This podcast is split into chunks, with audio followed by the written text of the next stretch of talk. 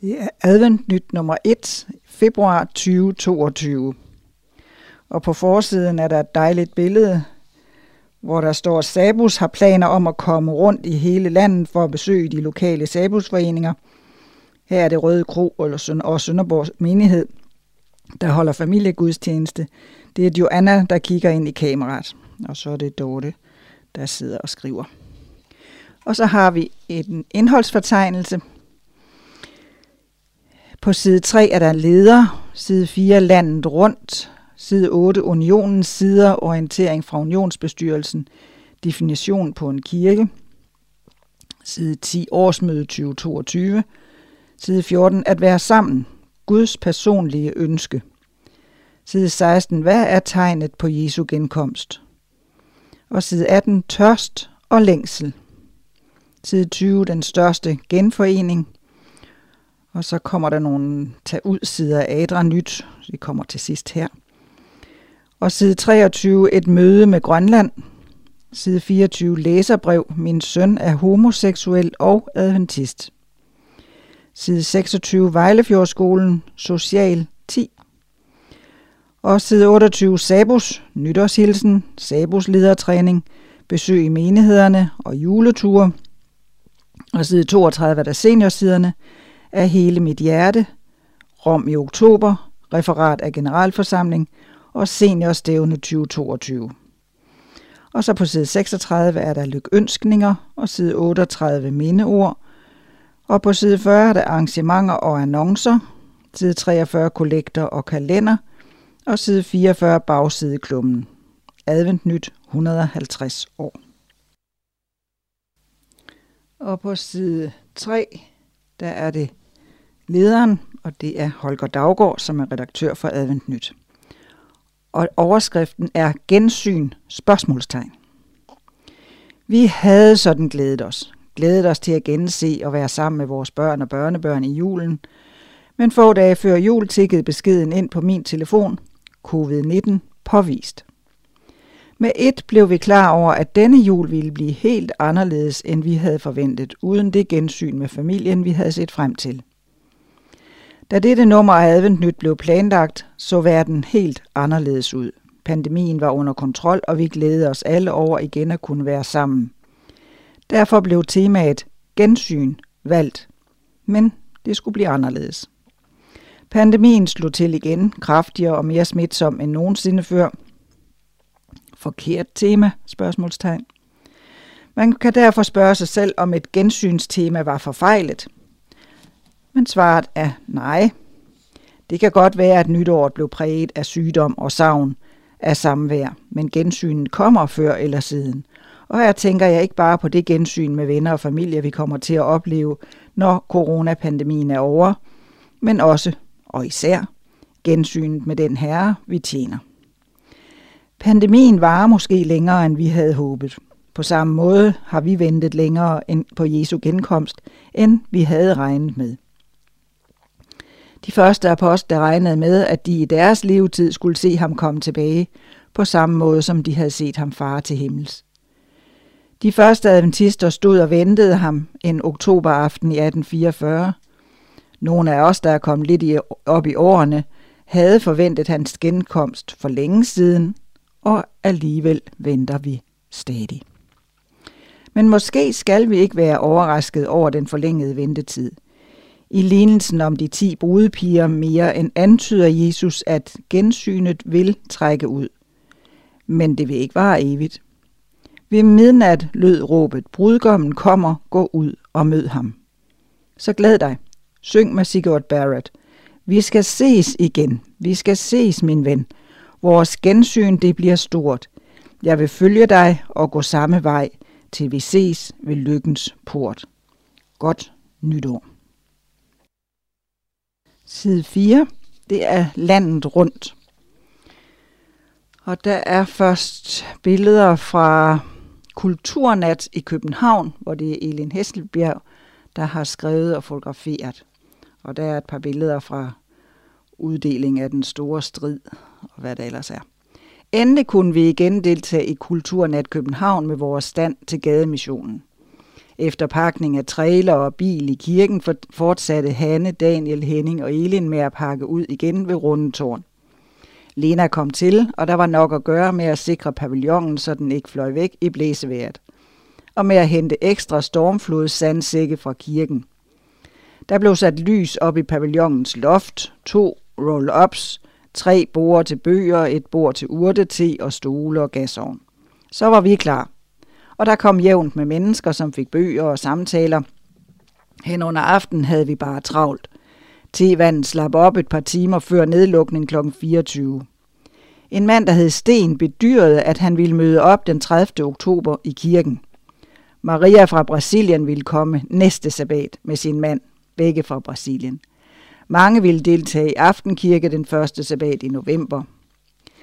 Pakkeholdet gik efter nogle timer, det vil sige Lena kom igen, og senere kom Michael en times tid, og det blev til næsten ni timer med rigtig mange interessante samtaler. Gorm kom til ved 23-tiden og fik også talt om Gud med mange mennesker, inden han hjalp til med nedpakningen kl. 24, for med et skadet eller brækket ribben skulle Henning have ekstra hjælp. Undertegnet, altså Elin, fik et lille hvil ved pavillonens gasovn, mens både Lena, Lis og Michael havde gode og lange samtaler. Det blev også til en tur til Kultorvet for at hente pandekager med champignon, spinat og ost, inden sabbaten stundede til, både til chaufføren og mig. Og inden jeg skulle afløse igen og tage den sidste tørn til klokken 1, hvor vi kørte hjem til kirken. Gud hjalp også med at holde den lovede formiddagsregn tilbage, så al pakning og udpakning blev klaret i tørvejr, og kun et par mindre byer om eftermiddagen kom ind over, hvor vi kunne være i tørvejr i pavillonen. Vi takker Gud for den velsignelse, han gav os i disse mange timer, for samtaler og bøger, der er givet væk. Og så er der fra Vejle, kunne jeg forestille mig her, småkager til de ældre i menigheden. Det er Edvardo Folster, som har, og Bruno Sasek, som har fotograferet. Den 20. november bagte børnene småkager til de ældre i menigheden. De lavede også smukke julekort, der kunne sendes sammen med de dejlige småkager. Vi takker alle, der deltog i dette Creator Lab arrangement. Det er dejligt at se, at børnene tager aktivt delt i dette vigtige tiltag. Der er fine billeder af børn. Og så går vi til side 5, stadig landet rundt, gademission, julen og børnebøger. Og det var Svend Hagen Jensen, som har skrevet og fotograferet. Børnebogen Jesus har været en efterspurgt børnebog i november på Gademissionen i Esbjerg, i Happy Hand-butikken i Aalborg eller ved Bibelstudiebesøg i Viborg. Nogen har ønsket flere eksemplarer til julegaver til børn og børnebørn i familien eller vennekredsen. Bogen indeholder fire små fortællinger om Jesus og er illustreret med billeder, der appellerer til etniske minoriteter. Det er en missionsbog, som først blev oversat fra engelsk til grønlandsk og brugt af Elisabeth og Tony Botenko ved deres Grønlands mission forrige efterår. Nu er den også oversat og trykt på dansk ved hjælp af Kehab-fonden og gives væk gratis som missionsbog. Elisabeth og Tony er vist på, vist på billedet med et eksemplar på henholdsvis grønlandsk og dansk. Forfatteren, småbørnslæreren Billy Ruth Arbow, Arwood, eller Atwood, mistede synet i 2014 og satte sig for at formidle evangeliet på en let forståelig måde. Bogen er illustreret af Kimberly Merritt, tilbydes frit til missionsbrug i de menigheder, der arbejder med børn, i gademission og blandt minoriteter i Danmark, så længe den er på lager. Og så er der julekoncerter i Vejlefjordkirken, som er skrevet af Holger Daggaard. Der er billeder fra forskellige tiltag der. I tiden op til jul blev de to traditionelle julekoncerter afholdt i Vejlefjordkirken. Den første kaldes en adventskoncert og blev holdt i sidst i november med kor 4 og solister. Det var godt at se, at omkring 30 deltagere havde fundet vej til kirken. Den næste koncert var skolens traditionsrige julekoncert i december, hvor skolens elevkor og solister alle bidrog til en uforglemmelig aften. Desværre, desværre måtte vi igen i år lad os begrænse af den stigende coronasmitte, så det var kun skolens elever og medarbejdere og menigheden selv, der kunne deltage. Man måtte i sidste øjeblik aflyse børnekorets medvirken og dermed også forældrenes deltagelse. Til gengæld blev koncerten streamet, så man kunne følge med hjemmefra. Både denne koncert og korets tilsvarende julekoncert i Silkeborg Adventistkirke kan fortsat findes på YouTube.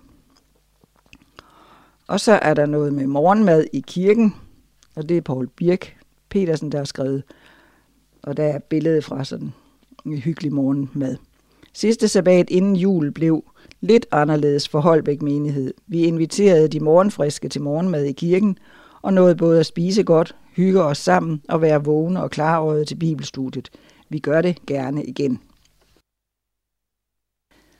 Det er billeder, billeder fra efterårsmødet i Faxe. Det er tekstredaktionen og øh, Baiba Henriksen, der har taget billeder. Endelig kan vi samles her på Sjælland. Hvor var det bare dejligt at kunne mødes i en lidt større sammenhæng. Dette var nogle af de mest brugte kommentarer i forbindelse med efterårsmødet i Faxe den 20. november 2021. Faxe menighed følte, at der var behov for at mødes i et større kirkefællesskab nu, hvor der var gået to og et halvt år siden vores sidste mulighed for at være til et årsmøde.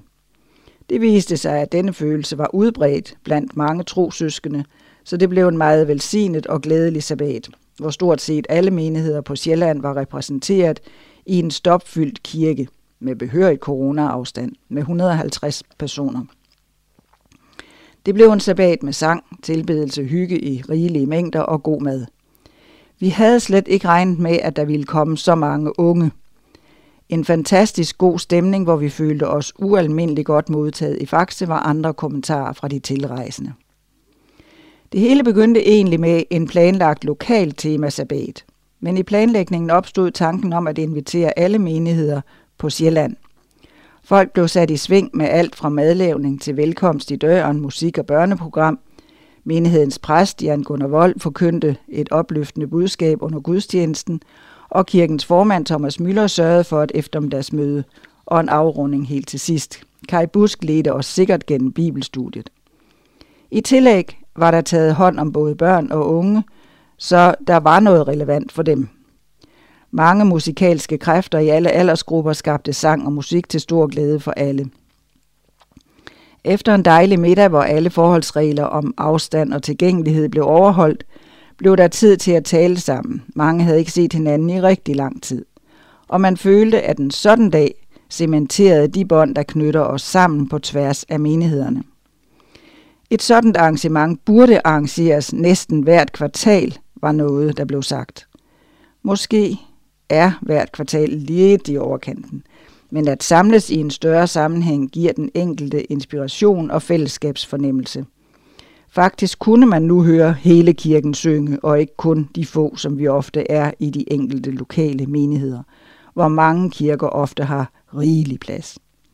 Tak til alle lokale kræfter, der udførte et stort arbejde med at gennemføre et sådan efterårsmøde. Tak til alle tilrejsende deltagere, der bidrog med opgaver, sang og musik, og tak til Unionen for at stille sig bag og støtte initiativet. Så har vi side 7, stadigvæk landet rundt. Julegaveprojekt på Vejlefjord. Og det er Holger Daggaard, som har skrevet og fotograferet. Der er billeder af folk, som er meget kreative. Vejlefjord Menighed har gennem flere år dyrket en tradition i forbindelse med fællesspisningen i december måned. Vi pakker julegaver ind og giver til udvalgte grupper. I flere år har det været de indsatte i Mølkær fængsel, som har nyt godt af gaverne, men da fængslet lukkede i 2018, måtte vi finde andre modtagere. I år besluttede menighedens bestyrelse, at gaverne skulle gå til skolens kostelever som et af medlemmerne sagde, hvorfor ikke gøre noget for dem, der er vores allernærmeste naboer. De allerfleste kostelever kender ikke noget særligt til Adventistkirken, så en lille julehilsen derfra kan forhåbentlig give dem et positivt indtryk. Som sagt så gjort, 160 plader chokolade blev pakket fint ind, ledsaget af et lille julekort, og blev uddelt til eleverne på deres sidste skoledag før jul. Og så kommer der noget fra julehjælp fra Happy Hand i kast. Der er også et righoldigt bord her.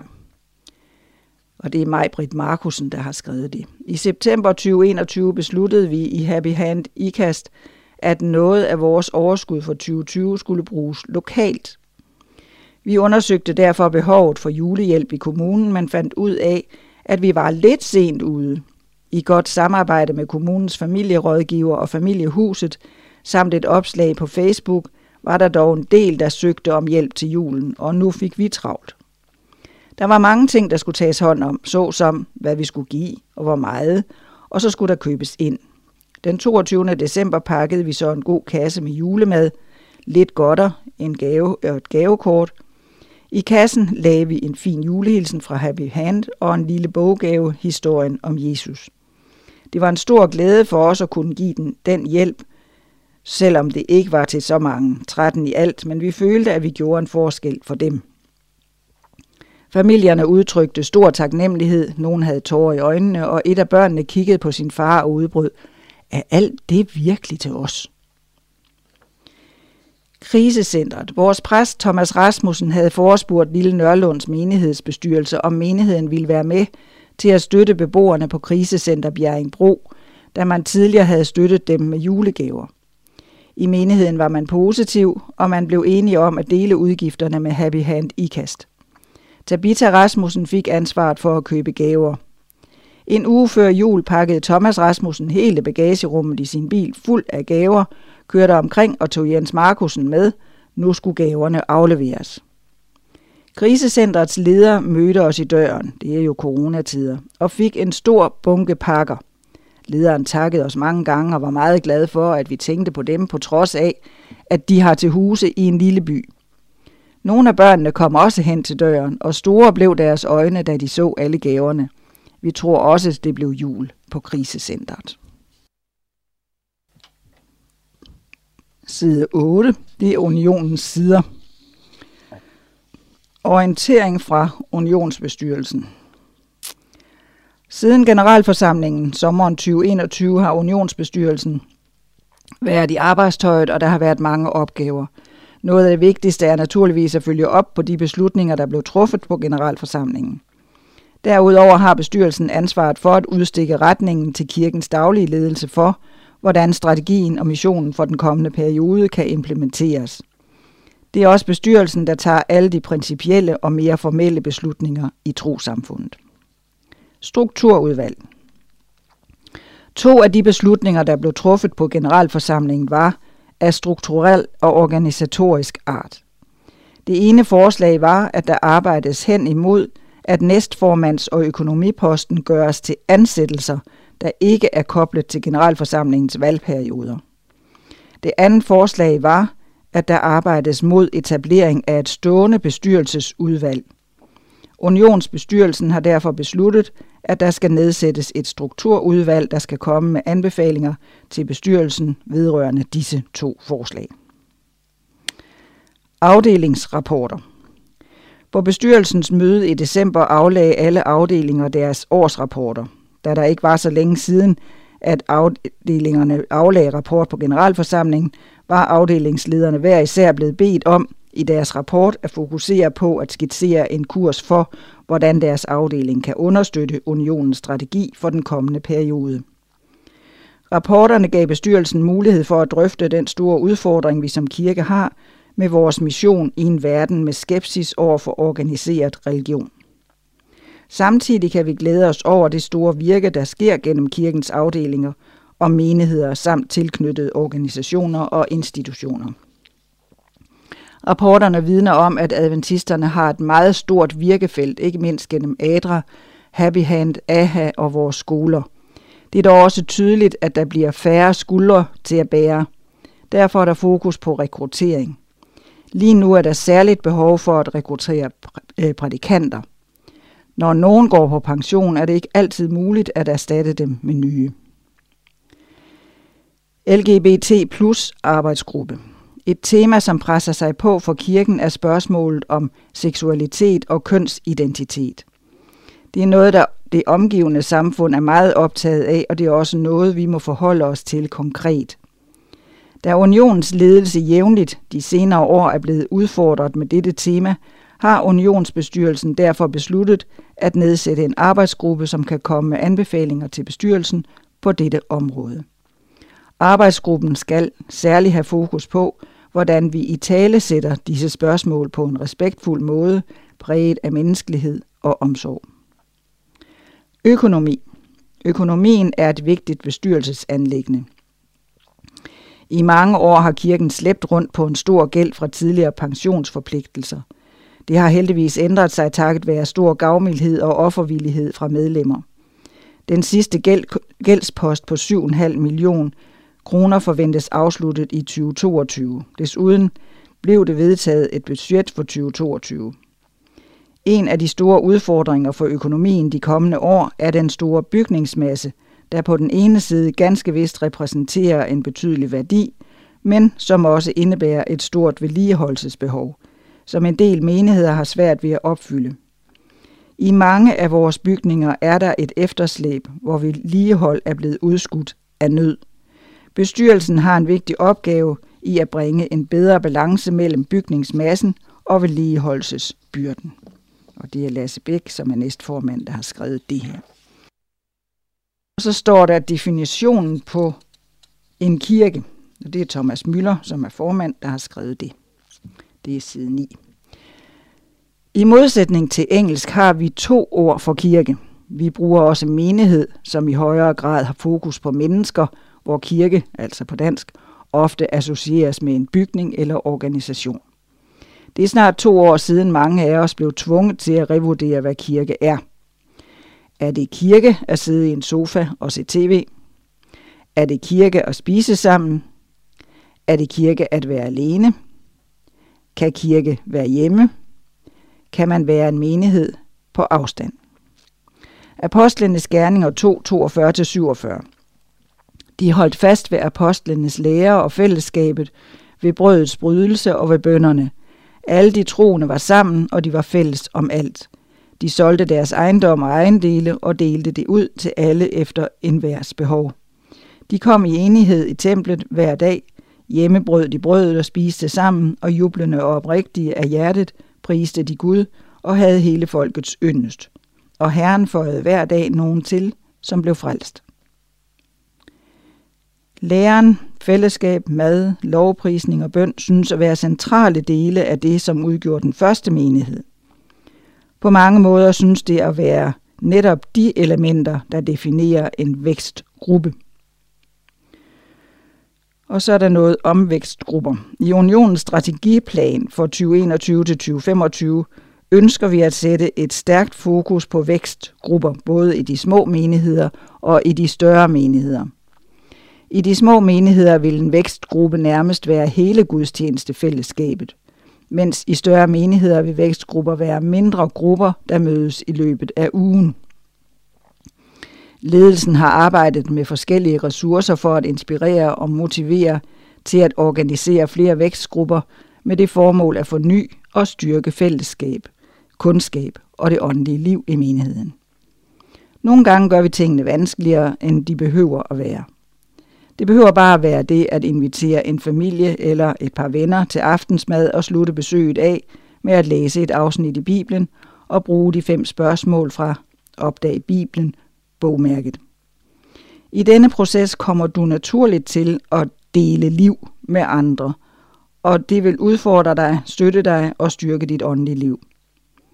Hvis ikke du selv vil sætte i gang, så snak med din præst, hvis du er interesseret i at deltage nogle uger i en vækstgruppe – eller se adventist.dk-vækst med AE gruppe for at se, hvilke ressourcer der er tilgængelige. Og så er der øh, noget om bogmærken Opdag Bibelen. Hvis I ikke allerede har disse bogmærker liggende i jeres kirke, så skulle de gerne være på vej. Spørg eventuelt en menighedsleder eller din præst. Udover bogmærket er Peter Ronfelds bog at følge Jesus snart på vej i trykken. Bogen er et værktøj med idéer til, hvordan man målrettet kan læse Bibelen med andre mennesker og opfordrer dem til at tage stilling til Jesus. Desuden er der en vejledning til vækstgrupper på vej. Den er færdig oversat, men endnu ikke sat op. Vi håber mange vil tage godt imod disse nye ressourcer og være med til at have drømme for kirken og arbejdet for det. Og så er der et nyt ansigt, Karoline Lundqvist er per 1. januar 2020 ah, det er 2022, begyndte at arbejde for Adventistkirken igen som bogholder. Det er 25 år siden, hun sidst arbejdede på kontoret, og hun kommer nu med en helt anden og større erfaring og ekspertise. Velkommen, Karoline. 10. Der er lige nogle sider her om årsmøde på forskelligt led. Der er annonce om Himmerlandsgården 25. til 29. maj 2022 årsmøde. Jesus talte om to aspekter ved Guds rige. Han sagde, at himmeriget er kommet nær, og lærte os at bede, komme dit rige. Guds rige er midt i blandt os, når vi dyrker fællesskabet. Derfor er det Guds rige og fællesskabet, vi fejrer, når vi samles igen. Samtidig ser vi frem til det store gensyn, når Jesus kommer igen. Så skal vi også samles med alle dem, som døden har adskilt os fra. Temaet hedder Det store gensyn. Og side 11. Det er tre år siden, vi sidst var samlet til årsmøde på Himmerlandsgården. Efter to aflysninger på grund af pandemien længes vi efter at mødes igen. Det bliver en fest at samles igen, som det fællesskab vi er. Efter en tid med afstand og aflysninger trænger vi et gensyn med hinanden. I den tid, hvor vi har måttet undvære hinanden, er vi blevet mindet om, hvor vigtigt fællesskabet er. Når vi nu kan se frem til at mødes igen, bliver vi også mindet om det større håb, vi har. Temaet for årsmødet 2022 er det store gensyn. Temaet for det årsmøde, der blev aflyst i 2020, handlede om menigheden og dens rolle. Når vi nu kan genforenes, så er det netop menigheden som fællesskab, vi bliver mindet om. Det fællesskab ønsker Gud, vi skal opleve i al evighed. Og så er der lidt om programmet i store træk. I det store telt er der aftenmøde onsdag, torsdag og fredag med vores hovedtaler Ian Sweeney – som også er, vil tale ved gudstjenesten sabbats formiddag. Om formiddagen torsdag og fredag er der morgenmøder med talere fra Danmark. Anden del af formiddagen byder på dialogmøder, hvor vi tager nogle af vores udfordringer op, som vi ønsker at drøfte i fællesskab. Vi håber, det bliver en bedre samtale, præget af ærlighed, generøsitet og gensidig respekt. Ved torsdagens dialogmøde er emnet enhed i kirken – her bliver der anledning til at stille spørgsmål til ledelsen om det advarselsbrev, den danske union har fået fra generalkonferencen angående prædikantbevillinger. Fredag formiddag handler dialogmødet om, hvordan vi bedst kan udfylde vores mission i et sekulariseret samfund. Eftermiddagen byder på kurser og workshops, som vi håber rigtig mange vil deltage i. Kursusprogrammet er endnu ikke helt fastlagt, men vi håber alle finder noget, der kan interessere og inspirere dem. Sidst på dagen torsdag holder Happy Hand generalforsamling. Her kan du blive opdateret på, hvordan det går med det gode arbejde.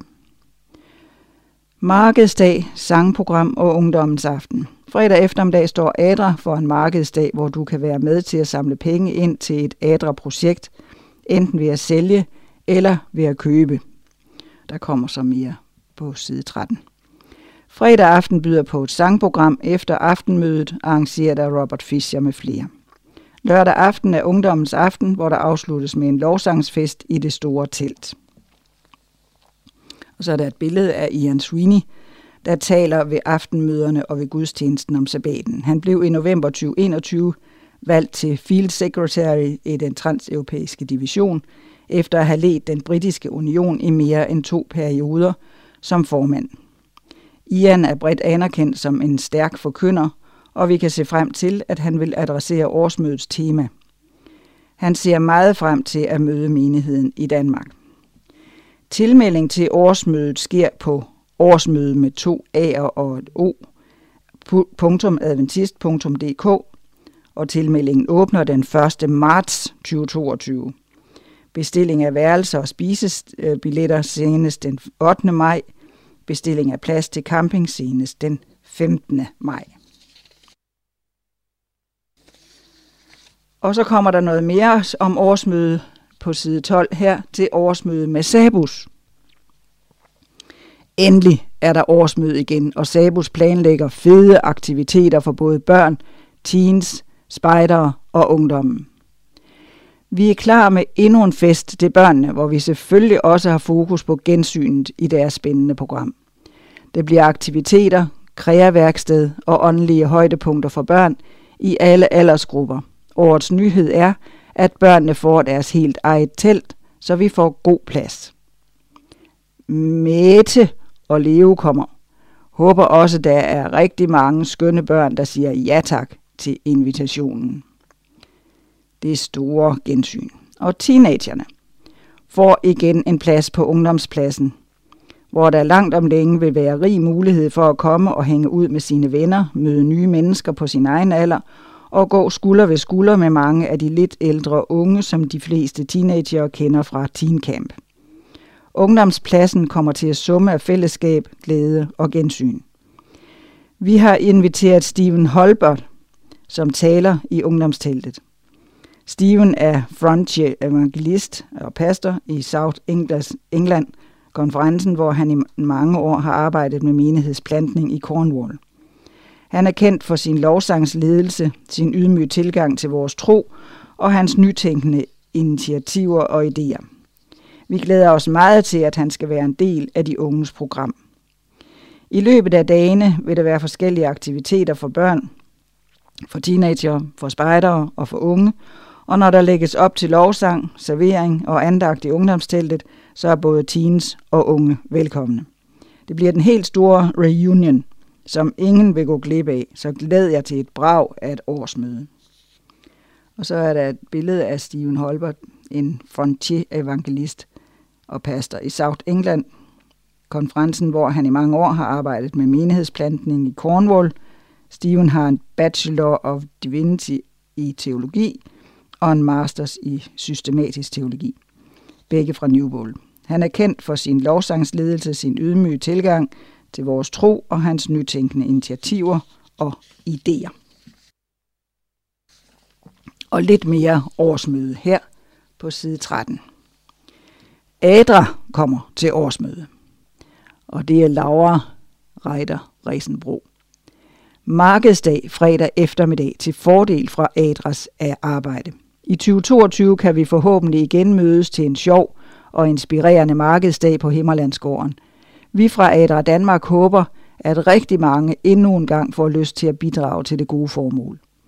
Takket være det store og kreative engagement på markedsdagen i 2019, indsamlede vi dengang imponerende 50.000 kroner. Pengene gik til at sikre skolegang for børn i Sydsudan. Eksempler på markedsboder har blandt andet været salg af kager, vafler og andre forfriskninger, salg af keramik og hjemmestrik, salg af gårdprodukter, massage, bilvask, rideture og kørsel på ATV og loppeboder. Hvis du har lyst til at bidrage med en bod på årets markedsdag fredag den 27. maj, så book en stand og eventuelt bord på info Indtjeningen fra markedsdagen går ubeskåret til Adras projekter, som vi har flere oplysninger om i næste nummer af Advent Nyt. Og så er der indkaldelse til Adra Danmarks generalforsamling. Adra Danmarks ordinære generalforsamling afholdes torsdag den 26. maj 2022 kl. 16-18 på Himmerlandsgården. Generalforsamlingen er åben for alle. Kun menighedsrepræsentanter og medlemmer af ADRA har stemmeret, og kun ved forudgående tilmelding. Mere information herom følger. Vedtægter og forretningsorden for generalforsamlingen findes på www.adra.dk-om-os-organisation. Og så er der en bøn. Hjælp med at gøre Himmerlandsgården klar til årsmødet. Der bliver forlejr til arbejdsdagene inden årsmødet den 8. til 9. maj 2022. På forlejren starter vi op med opgaver såsom at rydde buske og græs på stierne, klippe græs på hele pladsen, luge ukrudt, male, udføre mindre reparationer og forbedringer. Vi vil prøve at være på forkant inden de egentlige arbejdsdage, hvor vi så kan have fokus på at forbedre forberede til selve årsmødet. Vi sørger for ophold og forplejning. Kan du komme nogle timer søndag eller mandag, eller kan du begge dage, uanset hvad, vil det være en stor hjælp. Det var altså den 8. og 9. maj. Og så arbejdsdage op til årsmødet, det er den 22. til 25. maj. Til årsmødet samles omkring 1000 adventister og venner af kirken. Opgaverne er mange, når så stort et stævne skal stables på benene. Heldigvis er der mange frivillige og medarbejdere, der hvert år trofast giver en hånd med. Arbejdsdagene foregår i dagene lige op til årsmødet og går ud på at forberede Himmerlandsgården til alt det, der skal foregå. Der skal sættes flere store telte op, og i år vil der i tillæg til ungdomsteltet også være et specielt børnetelt samt et par pavilloner med gulve. Udover opsætning af telte skal værelser og bygninger gennemgås og rengøres. Der er mange små og store opgaver at løse, før vi er klar til årsmødet. For eksempel trække kabler, hjælpe med opsætning af teknik, feje, rydde op, ordne fliser og meget mere. Vi vil særligt invitere teenager og unge med til arbejdsdagene. Peter Bo havde den overbevisning, at især teenager og unge skulle med for at lære og udvikle færdigheder og samtidig have det sjovt. Til jer kan vi sige, at der skal køres med ATV, havetraktor, busgryder, motorsav og meget mere. Himmerlandsgården er vært med kost og logi for dem, der ønsker at deltage i arbejdsdagene. Jeg håber, vi ses. Christine Odinson. Tilmeld dig arbejdsdagene på årsmøde med 2A og O. .adventist.dk. Du kan også skrive til Margit Værn, V-A-E-R, adventist.dk eller ringe til Margit på telefon 45 58 77 92. Side 14. At være sammen. Guds personlige ønske. Det er skrevet af Paul Birk, som er en aktiv pensionist med stor lyst til at skrive og forkynde. Han har fortsat ansvar for Holbæk menighed. Ved min kones computer hænger et lille klisterhjerte, hvorpå et af vores børnebørn med store barnebogstaver har skrevet, Jeg elsker jer, også selvom jeg ikke er der. På en krigskirkegård for britiske soldater i Thailand læste jeg følgende indskrift på en gravsten for en søn, der var faldet i kirken. Vi husker ham, som han var, og siger, han er ikke død, han er bare bortrejst. Menneskelivet. Tilværelsen opleves i store modsætninger. Fællesskab og ensomhed, samvær og afsavn, afsked og gensyn. Hvor der opstår stærke fællesskaber, føles det så meget værre at være ensom. Hvor samværet er fyldt med kærlighed, er savnet så meget mere voldsomt. Hvor afskeden er tårvedet, giver gensynen så meget større glæde. Vi længes efter at ses igen, men hvor afskeden er endelig, kan sorgen overmande enhver længsel. Livet byder ofte på farvel, men ikke altid på gensyn. Vi flytter fra steder, vi har elsket og som vi er bundet til med vores engagement og følelser. Når vi bliver ældre, kan vi måske med vemod drømme os tilbage, som udtrykt af Jeppe Åkær i Der dukker af disen min fædrene jord. Hvad var vel i verden det fattige liv med alt dets fortærende tand, om ikke en plet med en dal og lidt siv, hvor de hjerte i skilvingen bandt om ikke vi drog fra det yderste hav, forbøjet og rynket at stå, og høre de kluk, de mindernes suk, fra bækken vi kyssede som små. Men selv hvor vi kommer tilbage, kan verden være forandret, og det som var der, er ikke mere. Tider skifter, kulturer ændrer sig, personer vi holdt af dør bort, og vi længes efter det tabte. Skabt som personer. Gud skabte os som personer til at elske og blive elsket. Han skabte os til samvær. Han skabte os til at blive knyttet til andre mennesker mere end til bestemte tider og steder. Han skabte os med kærlighedens risiko. Den, der elsker, kan savne og længes. Det enestående ved den kristne tro er personfællesskab. Guds mål er ikke blot at informere os, bringe os den rette forståelse af doktriner og læresætninger, præsentere os for sin lov og de evigt gyldige etiske normer, eller give os opskriften på et sundt liv. Guds mål er, at han bliver vores ven. At vi bliver hans. Se for eksempel Johannes 15, 12-15. At vi lever sammen i et gensidigt tillidsforhold. At af tro til tro. Romerne 1.17. Og hans mål er også, at hans venner lever i et indbyrdes kærlighedsfællesskab. Johannes 13, 34 og 35. Den største motivation for Jesu disciple i deres forkyndelse af evangeliet til hele verden var derfor deres personlige længsel efter atter at være sammen med Jesus. Jesus gav løftet, jeg kommer igen og tager jer til mig, for at også I skal være, hvor jeg er. Johannes 14.3 Når de kristne så frem til denne begivenhed, var deres spontane reaktion, at så skal vi altid være sammen med Herren. 1. Thessaloniker 4.17 De længtes efter, ikke bare efter, at alt ondt og ubehageligt skulle ophøre, og det var ikke bare gensyn, de så frem til, det var selve samværet. Guds mål. For at nå sit mål blev Gud selv menneske. Det var ikke nok blot at sende informationen, ikke nok blot at inspirere en profet, selv den største, til at fortælle os om Gud. Jesus var ikke blot, som Muhammed for eksempel opfattes i islam, en budbærer. Han var Gud selv, der blev menneske for som person at være sammen med dig og mig.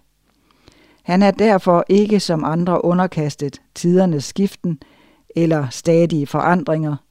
Jesus Kristus er den samme i går og i dag og til evig tid. Hebræerne 13.8 Vores venskab med ham kan ikke rokkes af død eller afstand. Han elsker os, også når vi føler, at han ikke er her. For at Gud kunne se sit mål, døde Jesus på korset. Da han døde, blev guddommens evige fællesskab brudt. Faderen og sønnen havde altid været et. Nu blev de adskilt, og Jesus råbte i sin nød og sin længsel, Hvorfor har du forladt mig? Matthæus 27, 46.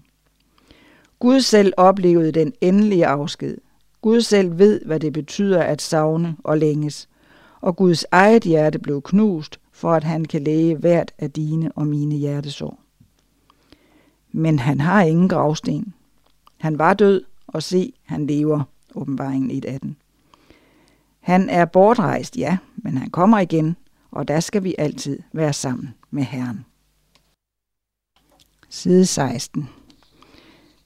Hvad er tegnet på Jesu genkomst? er overskriften her. Lige siden jeg var dreng, har jeg hørt om tegn på Jesu genkomst, og det er jeg taknemmelig for.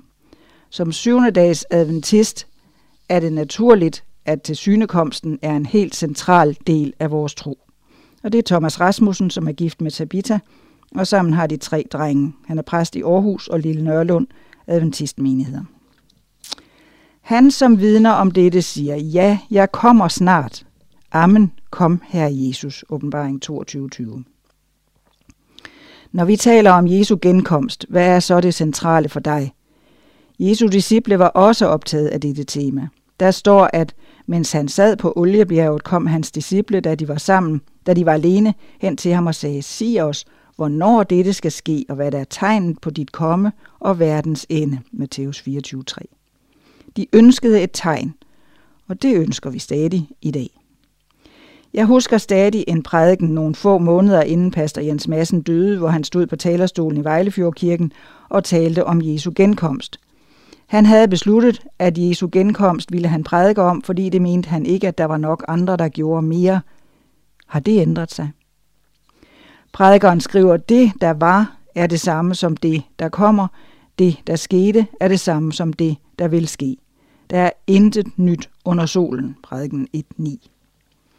Det vi oplever, har vores børn ikke oplevet. Og det vores forældre oplevede, har vores børnebørn aldrig hørt om. Derfor sker det igen. Den menneskelige hukommelse er kort, og den menneskelige natur er den samme. Men er prædikerens ord kun en overordnet beskrivelse, eller kunne ordene også være relevante, når det gælder tegn på Jesu genkomst? Tidernes tegn. Jesus anklagede farisæerne og sadukæerne, da de bad om et tegn og sagde blandt andet, Himlens udseende forstår I at tyde, men tidernes tegn kan I ikke tyde. En ond og utro slægt kræver tegn, men den skal ikke få andet tegn end Jonas tegnet. Og han forlod dem og gik sin vej. Matthæus 16, 3b og 4. Det svar fra Kristus er der ingen af os, der ønsker, og derfor er vi, måske med rette, også optaget af tegn på Jesu genkomst. Vi ved, han kommer snart, og ligesom jeg hørte om tegn på Jesu genkomst, da jeg var dreng, så hører mine drenge om det nu. Desværre tror jeg dog ofte, at vi taler mere om tegnene i flertal, end vi gør om tegnet i et tal. Men er der et tegn på Jesu genkomst? Jeg vil gerne udfordre dig til at læse Matteus evangeliet 24 endnu en gang. og jeg håber, du vil gøre det uden en opfattelse af, at hvad jeg, repræsenterer, hvad jeg præsenterer her er vranglærer. Læg mærke til, at disciplene spørger om et tegn, det vil sige altså vers 3, og i de efterfølgende vers taler Jesus om fremtidige begivenheder i vers 4-14. Og han påpeger, at alt dette sker før enden. Det gælder jordskæld, krig, lovløshed og forfølgelse. Selv evangeliet om riget skal forkyndes for hele verden, før enden kommer. Det er kaldet i missionsbefalingen, gør folkeslagene til mine disciple. Matthæus 28, 16-20. Hvis nogen der siger til jer, se her er Kristus, eller her er han, så tro det ikke, for der skal fremstå falske Kristus og falske profeter, og de skal gøre store tegn og under, for om muligt at føre selv de udvalgte vild. Matthæus 24, 23 24. Jeg vil ikke forsøge at udpege hverken falske profeter eller forkerte tegn. Jeg ønsker dog ikke, at vi skal være som de jødiske ledere på Jesu tid. De vidste heller ikke, hvordan de skulle tyde tidernes tegn. Skyldes det, at deres fokus var fordrejet? I Johannes åbenbaring beskrives de frelste som dem, der følger lammet, hvor det går, åbenbaring 14.4. Vi følger hverken falske profeter, religiøse eller politiske magter, åbenbaring 13. Derfor behøver vi heller ikke at få enhver avisoverskrift til at passe ind i vores profetiske udlægning. Det er trods alt på mange måder bare en sørgelig gentagelse af den menneskelige historie. Vi skulle nødig blive så arrogante, at vi tror, at Jesus er mere optaget af vores danske elendighed, end han er af den langt værre elendighed, der har hersket i århundrede andre steder i verden. Så hvad er tegnet? Jeg tror faktisk, Jesus svarer på disciplenes spørgsmål, men ikke uden en længere forklaring om alt det, der skal ske først. Derfor er det også naturligt for os at se på de forudliggende begivenheder – så længe vi ikke forveksler dem med afslutningen, altså tegnet. Jesus svarer på deres oprindelige spørgsmål i vers 30. Og der skal menneskesøndens tegn komme til syne på himlen, og der skal alle jordens folkestammer jamre, og de skal se menneskesønnen komme på himlens skyer med magt og megen herlighed. Matthæus 24:30. Tegnet på Jesu genkomst er altså, når vi ser ham komme til syne i skyerne. For som lynet kommer fra øst og lyser helt om i vest, sådan skal også menneskesøndens komme være. Matthæus 24, 27. Derfor tror jeg også, at vi skal fokusere mere på selve genkomsten, end vi skal på alt det andet. Jesus kommer snart igen. Det kan vi trygt stole på. Det har han sagt. Men tegnet på Jesu genkomst, det er Jesu genkomst. Vi følger hverken falske profeter, religiøse eller politiske magter i åbenbaring 13. Derfor behøver vi heller ikke at få en hver avisoverskrift til at passe ind i vores profetiske udlægning.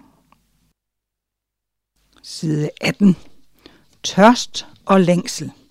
Og det er skrevet af Line Nielsen, som er forfatter til Elske dig ham, Sandheden sætter dig fri, og Elske dig ham.dk.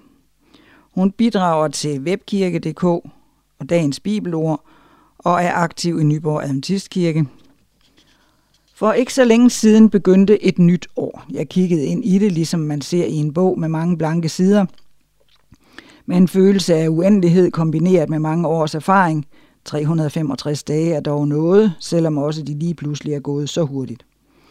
Jeg mærkede min længsel indeni, med længslens øje bøjede mine tanker sig mod det nye år. Hvordan kan dette år blive en ramme om noget, som vil mætte min dybeste længsel? Mærker du længsel? Ja, for jeg har lyst til at tage dig i hånden, så vi mættes sammen. For når jeg ser på verden omkring mig, tænker jeg, at mange mennesker er længselsfulde. Jeg læser det i de lukkede ansigter, hvis øjne er fast rettet mod deres elektroniske devices. Der er en intens søgen efter noget mere. Hvert minut er vigtigt at bruge på underholdning og kommunikation, læring og blot at ordne små og store ting, som det lille vidunder imellem ens fingre kan åbne op til. Men stilles længslen.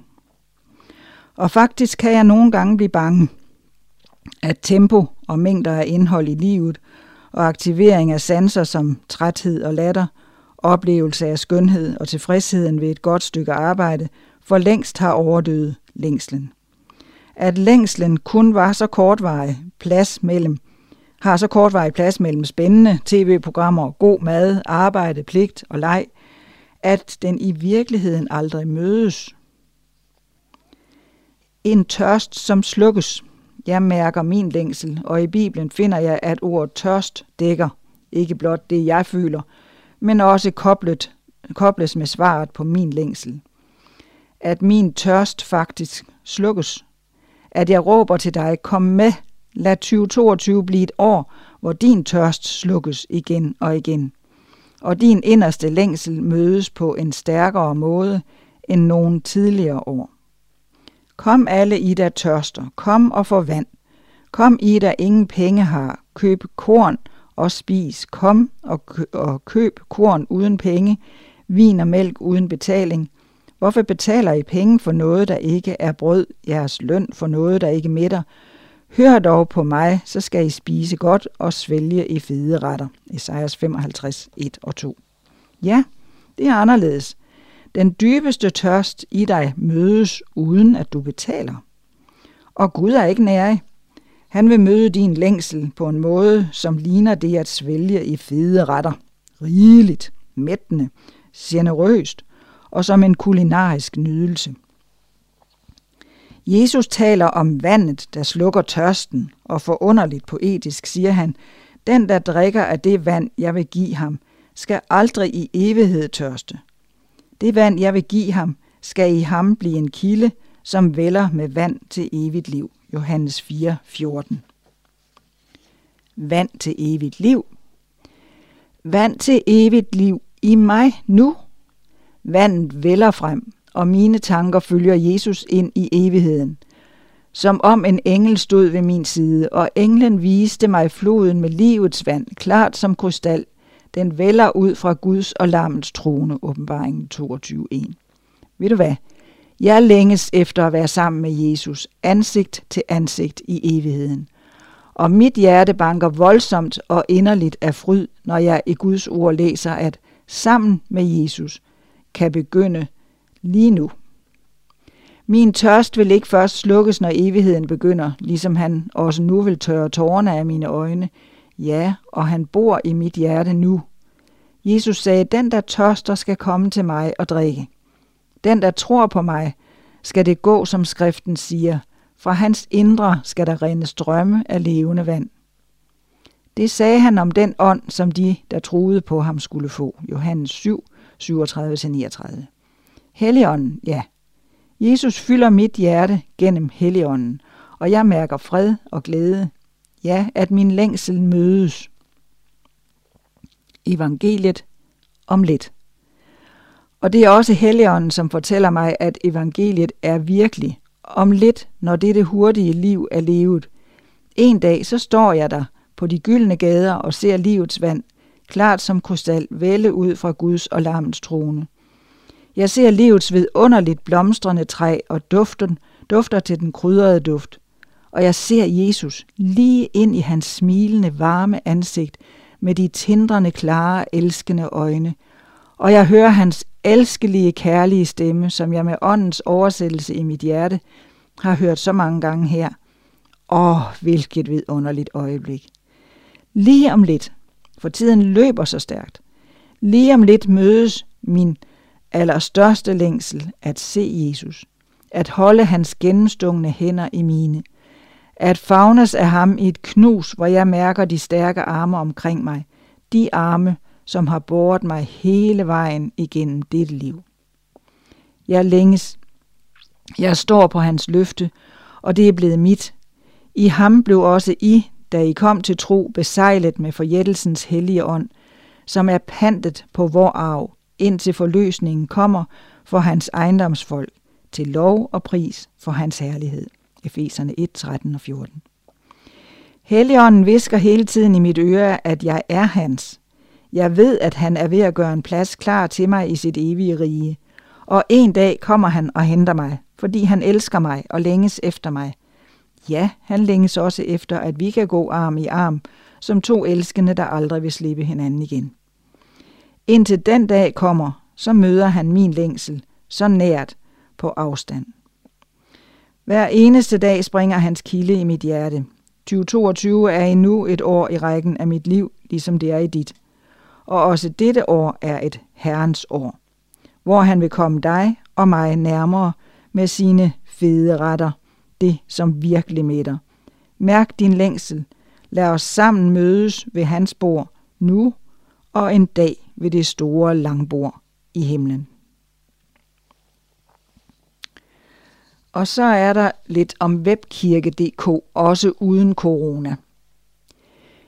Webkirke er kommet for at blive. Arbejdet med de ugenlige produktioner fylder dog så meget, at vi må tænke os godt om, inden vi søsætter nye tiltag. Sammen med de 25-30 personer, der investerer meget af deres fritid i projektet, vil vi fortsætte med at udvikle webkirke i 2022. Der ydes en fænomenal indsats af rigtig mange på tværs af landet. Et kæmpestort tak til jer. Vi kan altid bruge hjælp til mange forskellige opgaver. Tag endelig kontakt for at høre, hvordan du kan være med i dette spændende arbejde. Rundbordssamtale med jordnære temaer.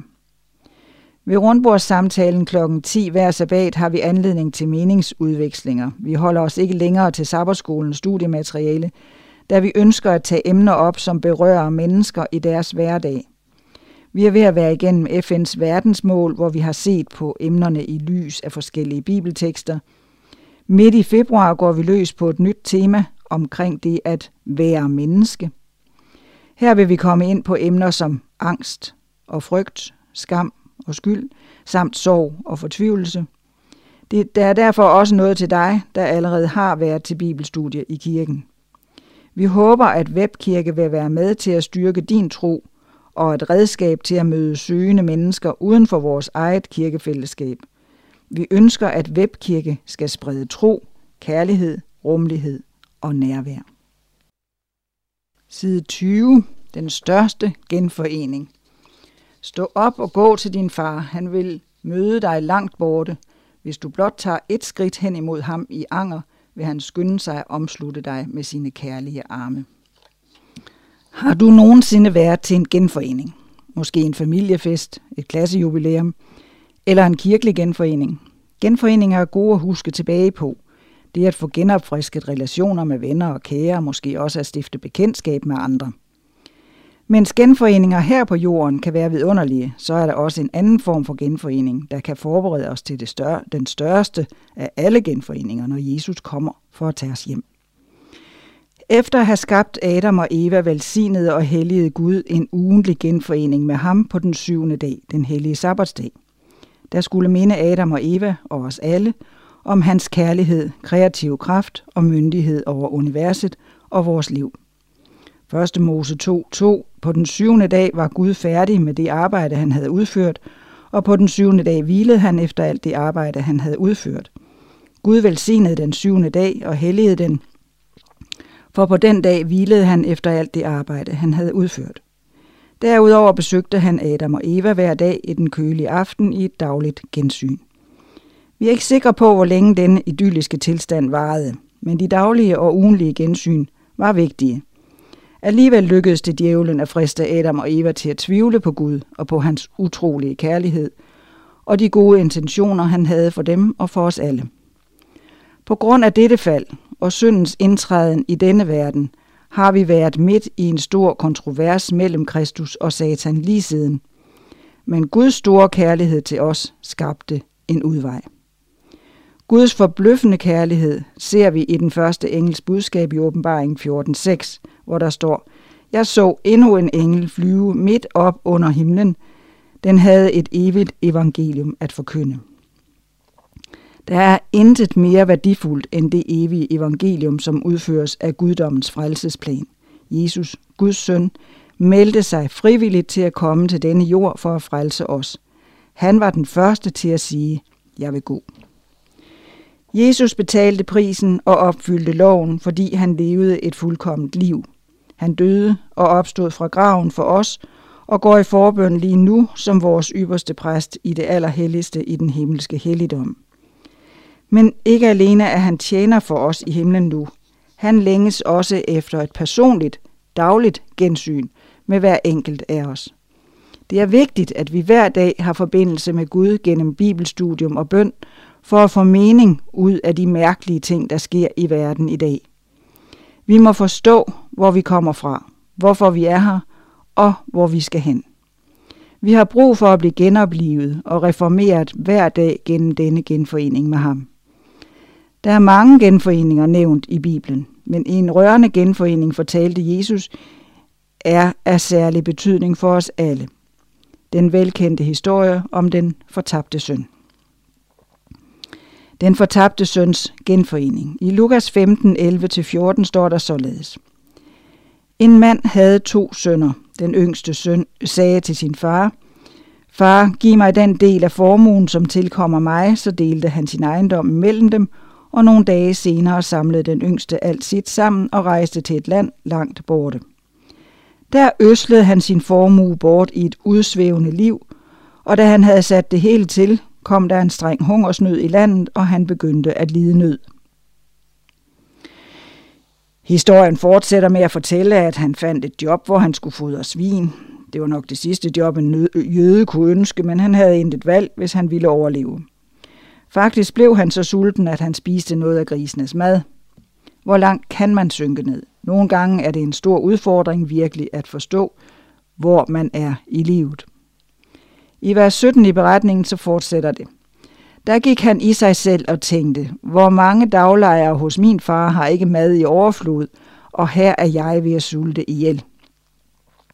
Han lagde en plan for at vende hjem og fortælle sin far, at han ikke var værdig til at kalde hans søn, men at han i det mindste kunne være en af hans tjenere. Så kommer vers 20 og den fantastiske genforening. Så brød han op og kom til sin far. Mens han endnu var langt borte, så hans far ham, og han fik medynk med ham. Hans far opgav aldrig at lede efter ham. Hver dag tjekkede han vejen for at se, om hans dyrebare søn kom tilbage. Gud tjekker altid vores vej for at se, om vi kommer til hans daglige og ugentlige genforening. Gud opgiver os aldrig. Vers 20 slutter med den rørende scene. Faren løb hen og faldt ham om halsen og kyssede ham. Den fantastiske genforening fandt sted, og faren var klar. Vores himmelske far er altid klar til et gensyn med sine børn. Den yngste søn sagde, at han ikke var værdig til at blive kaldt faderens søn, men faren hørte ham ikke engang. Han beordrede sine tjenere at bringe den bedste kåbe, sætte en ring på hans hånd og sandaler på hans fødder. Vi har brug for Kristi retfærdighed hver dag. Hans retfærdighed er selve kernen i de tre engles budskaber. Vi har brug for, at Kristus sætter os i rigtigt forhold til himlen, og vi er helt afhængige af ham. Kristus taler til os i dag. Åbenbaringen 3, 17-20 fortæller følgende.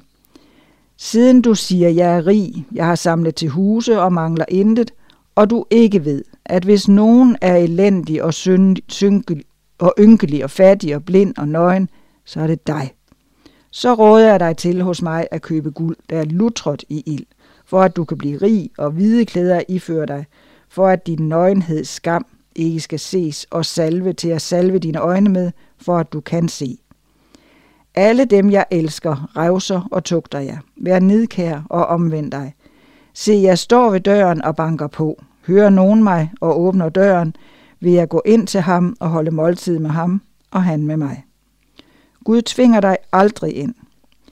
Han ser tiden an, inviterer og venter på, at vi kommer til genforeningen. Han banker på vores hjerte for at bede om genforening, men tvinger os aldrig. Han er en kærlig Gud. Fest for den hjemvendte søn. Lukas evangeliet 15 fortsætter med at fortælle, at faren til den fortabte søn iværksætter en stor fest for sin hjemvendte søn. Det var den største genforening. Faren var hele tiden klar til den vidunderlige dag. Historien repræsenterer vores himmelske far og hans store frelsesplan. Altid er han klar til at byde en søn eller datter velkommen hjem. I bogen Kristi Line så står der, lyt ikke til fjendens forslag om at holde dig borte fra Kristus, indtil du er god nok til at komme til Gud. Hvis du venter indtil da, vil du aldrig komme. Stå op og gå til din far. Han vil møde dig langt borte. Hvis du blot tager et skridt hen imod ham i anger, vil han skynde sig at omslutte dig med sine kærlige arme. Der opsendes aldrig så stammende en bøn. Der færdes, fælles aldrig så hemmelig en tårer.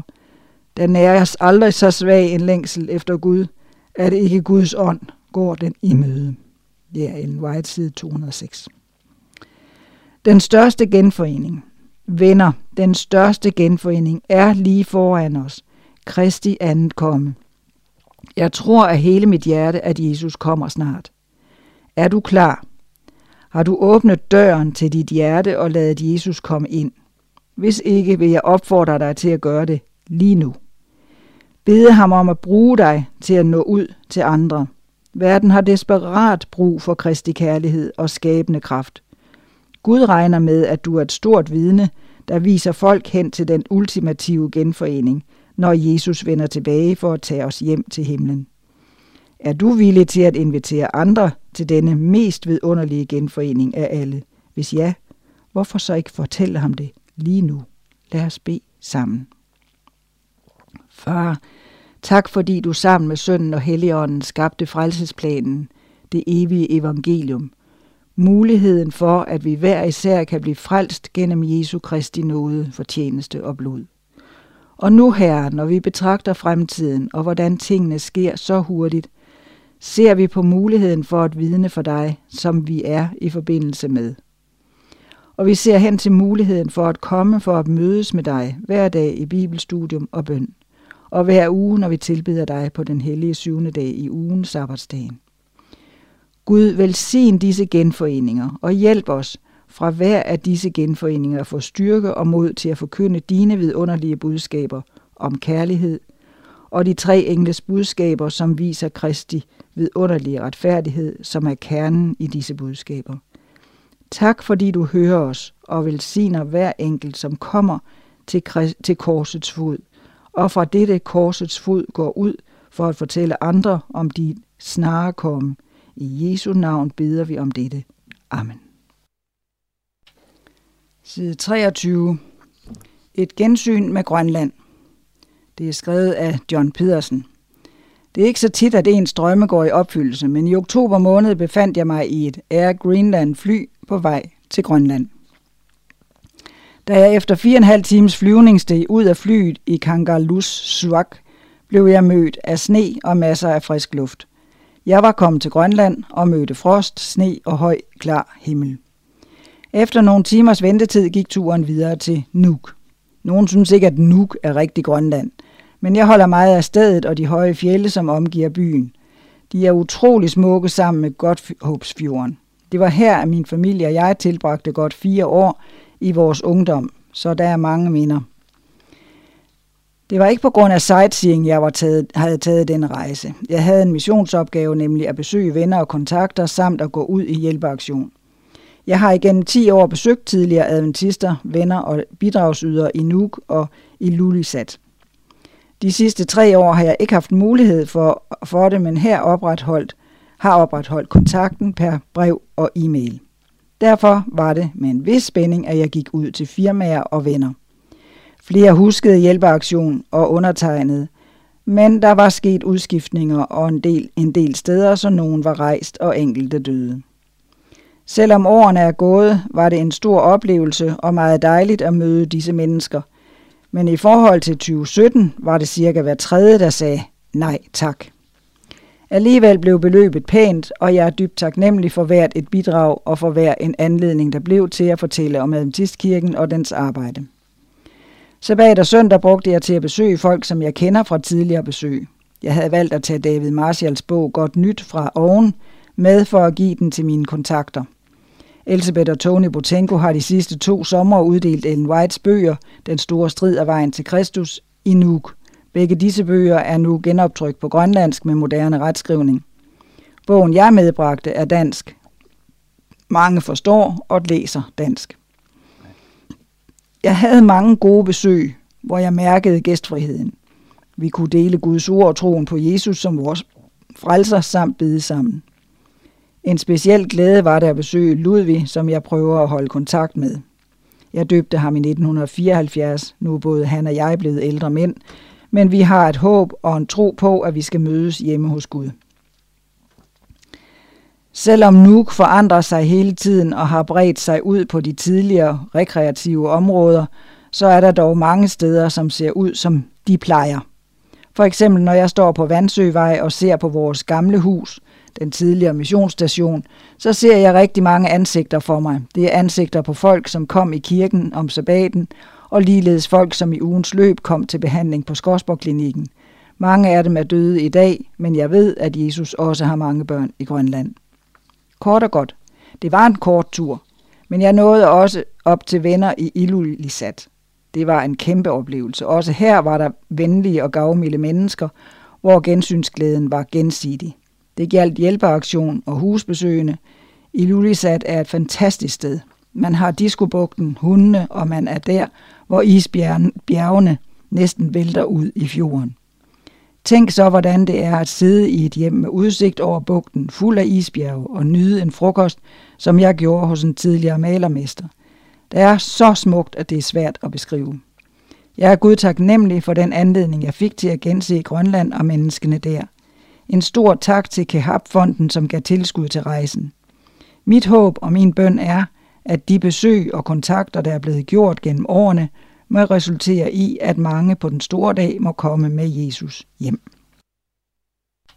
Side 24 Min søn er homoseksuel og adventist. Adventnyt har modtaget det til et læserbrev, som berører et omtåligt emne i vores kirke. Vi bringer det med et ønske om, at det vil medvirke til en øget forståelse og omsorg for de af vores søskende i menigheden, som går, står med disse udfordringer. Jeg vil hellere, faktisk hellere sige, at min søn har homoseksuelle følelser, fordi han er så meget andet end homoseksuel. Min beretning vil jeg særligt tilegne mødre og fædre i de danske adventistmenigheder, som har en søn eller datter, der tumler med, med sin seksualitet. Er en kort forhushistorie. Min søn Jakob er snart 42 år. Han meldte sin ankomst en nat i april – Hans første vejrtrækning viste store problemer. Han fløj med helikopter til Odense Universitetshospital. Han havde en svær misdannelse. Diafragt med hernie, det vil sige brok eller hul i mellemgulvsmusklen. Han blev opereret syv timer gammel og vejede 2.000 gram. Den første måned røg han ind og ud af respiratoren. Vi vidste ikke, om han kom hjem i en vugge eller i en kiste. Ifølge statistikken burde han ikke have overlevet. Han må være et stort mirakel. Da Jakob var fire år, mente vores praktiserende læge, at når nu han havde overlevet problemerne ved fødslen, og når nu han ikke var blevet alvorligt hjerneskadet på grund af iltmangel i forbindelse med fødslen, så måtte der være noget andet. Valget faldt på det, man i dag kalder ADHD. I børnehaven mente man, at han havde absenser, altså en form for epilepsi uden kramper. Han blev undersøgt for det hele og blev frikendt. Jakob var meget tynd og ranglet, derfor mistænkte børnelægerne ham for at have en, et alvorligt syndrom. Marfan. Han blev undersøgt og frikendt. Jakob var meget dygtig i skolen, måske på grund af det, eller måske på grund af sine briller, brilleabe. Eller måske fordi han stammede, blev han mobbet i skolen. Hans skoletid var svær på det sociale område. Han skulle altid bede om lov til at være med i gruppen. Jakob led af separationsangst, fra han var helt lille og gør det stadig i en vis grad. Jeg har studeret mig frem til, at det må stamme fra fødslen, hvor han blev separeret fra mor og far. Da Jakob var 15 år, blev han forfærdelig syg. Han havde tarmslyng. Han lå til observation i 14 timer, fordi man ikke kunne se aflukningen på røntgen eller scanning. Tavs gennemlevede han de voldsomme smerter, og endelig blev han kørt til operation, hvor man om sider fandt årsagen til smerterne. Det blev til 10 voldsomme dage efter operationen, men også det kom han igen. Hjemme igen, og det blev tid til at komme i skole. Han græd hver morgen. Snart begyndte han at få nogle mærkelige tanker om bakterier og især AIDS. Denne gang blev han desværre ikke frikendt for en diagnose, OCD, som betyder tvangstanker og tvangshandlinger. Det blev til nogle forfærdelige år. Tanker. Jakob har altid været meget åben om sine tanker. I slutningen af sine teenageår begyndte han at tale om, at han måske var homoseksuel. Jeg tænkte, at Gud umuligt kunne acceptere, at han også skulle have det problem.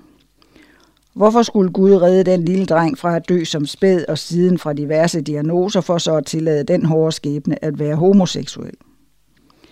Jakob mødte en homoseksuel mand. Det var virkelig vader, at han var homoseksuel. Da jeg spurgte Jakob, hvorfor han sagde vader, svarede han, at han sagde det i håbet om at få sine egne homoseksuelle følelser til at forsvinde. Jakob gav mig en bog i julegave, De videre stykkelige af Marianne Søndergaard. En flok unge kristne homoseksuelle fortæller deres historie. Bogen slutter med et forældrepar til to homoseksuelle drenge. Jakob har endnu ikke haft mod til at læse bogen. Jeg har kun haft modet én gang. Nogle af de unge mennesker i bogen havde overvejet selvmord, fordi de ikke kunne overskue konsekvensen af på én gang at være kristne og homoseksuelle. Jakob havde hørt nogen sige, at man selv kunne vælge sin seksualitet. Han havde sagt flere gange, at hvis han selv havde kunnet vælge, havde han selvfølgelig valgt den letteste udgave. For 5-6 år siden blev jeg gjort opmærksom på en forening for LGBT plus adventister i USA. Kinship. www.sdakinship.org Dengang læste jeg på deres hjemmeside en mors historie om sin homoseksuelle søn, My Son, Beloved Stranger af Carol Grady. SDA kinship.org-1-stories. Hvor var det fantastisk at læse hendes historie, som lignede min egen så meget. Havde jeg bare læst den for mange år siden. Hvorfor kæmpede jeg selv så meget imod den realitet, at Jakob var eller er homoseksuel? Jo, jeg var bekymret for, at han oven i alt det andet, han har skulle kæmpe med, nu også skulle have dette. Jamen, det er okay at være homoseksuel, bare de ikke udlever. Du ikke udlever din seksualitet, siger nogen. I kristne kredse. Gud sagde, at det ikke er godt for mennesket at være alene. Hvorfor skulle det så være godt for Jakob, som i forvejen har en angst for at blive ladt alene, altså en separationsangst? Gud har vel også skabt Jakob i sit billede, har han ikke? Jakob bliver gift. Den 7. oktober 2017 blev Jakob gift med Ivan fra Filippinerne. Det var en meget rørende oplevelse. Endelig havde Jakob fundet sin livsledsager. De er så glade for hinanden, og Jakob er glad. Jeg var meget bekymret for, hvordan omgivelserne ville modtage nyheden om Jakob og Ivan. Men først og fremmest modtog Jakobs gamle bedstemor nyheden pænt. Hans adventistvenner accepterede nyheden om Jakobs homoseksualitet. Han har talt med flere adventistpræster, som støtter ham. Tak til jer alle. Men alt er ikke i lykke. Det har gjort mig ondt at opleve, at Jakob og Ivan har meldt afbud til familiefester af frygt for at møde andre adventist gæsters misbillende blikke. Det gjorde mig ondt, at Jakob af samme årsag stoppede med at deltage i årsmødet på Himmerlandsgården. I den seneste tid har der været debatter i SDA Facebook-grupper. Der er to holdninger. For det første, det er naturligvis acceptabelt at være homoseksuel, så længe man lever som single. At leve i et parforhold er synd. For det andet, Gud er mere forstående end mennesker er. Dette var min beretning om en dreng og en mand, der ikke selv valgte, hvem han skulle kaste sin kærlighed på. Jeg har netop mødt begrebet homokærlighed. Homoseksualitet handler jo først og fremmest om kærlighed mellem to mennesker, fuldstændig ligesom for heteroseksuelle. I Danmark er 1-2 procent af befolkningen homoseksuelle. Det siger mig, at der nødvendigvis må være andre homoseksuelle end Jakob i STA-menigheden i Danmark hvis de da ikke er forsvundet ud af bagdøren af samme årsag. Hvis du sidder derhjemme med din søn eller datter i en lignende situation, og har brug for at tale med en anden mor, må du gerne kontakte mig. Derfor vedlægger jeg min mailadresse hej birgit.dk med venlig hilsen Birgit Andersen. P.S. Selvfølgelig er det efter aftale med Jakob, at jeg har sendt denne beretning til Advent Nyt. Billedet er et af Jakobs. Det er et love-billede. 26.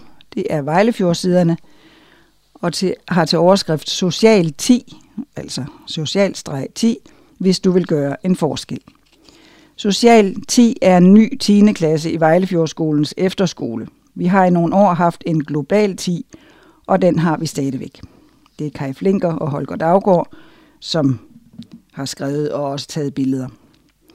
Global 10 er et tilbud for de elever, der gerne vil ud i verden. Derfor er der indlagt en 10-dages studietur i timeplanen til USA.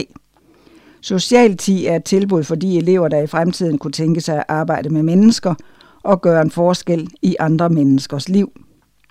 Der er mange muligheder for at arbejde med mennesker. Man kan uddanne sig til sygeplejerske eller lærer, faldgræder eller socialrådgiver.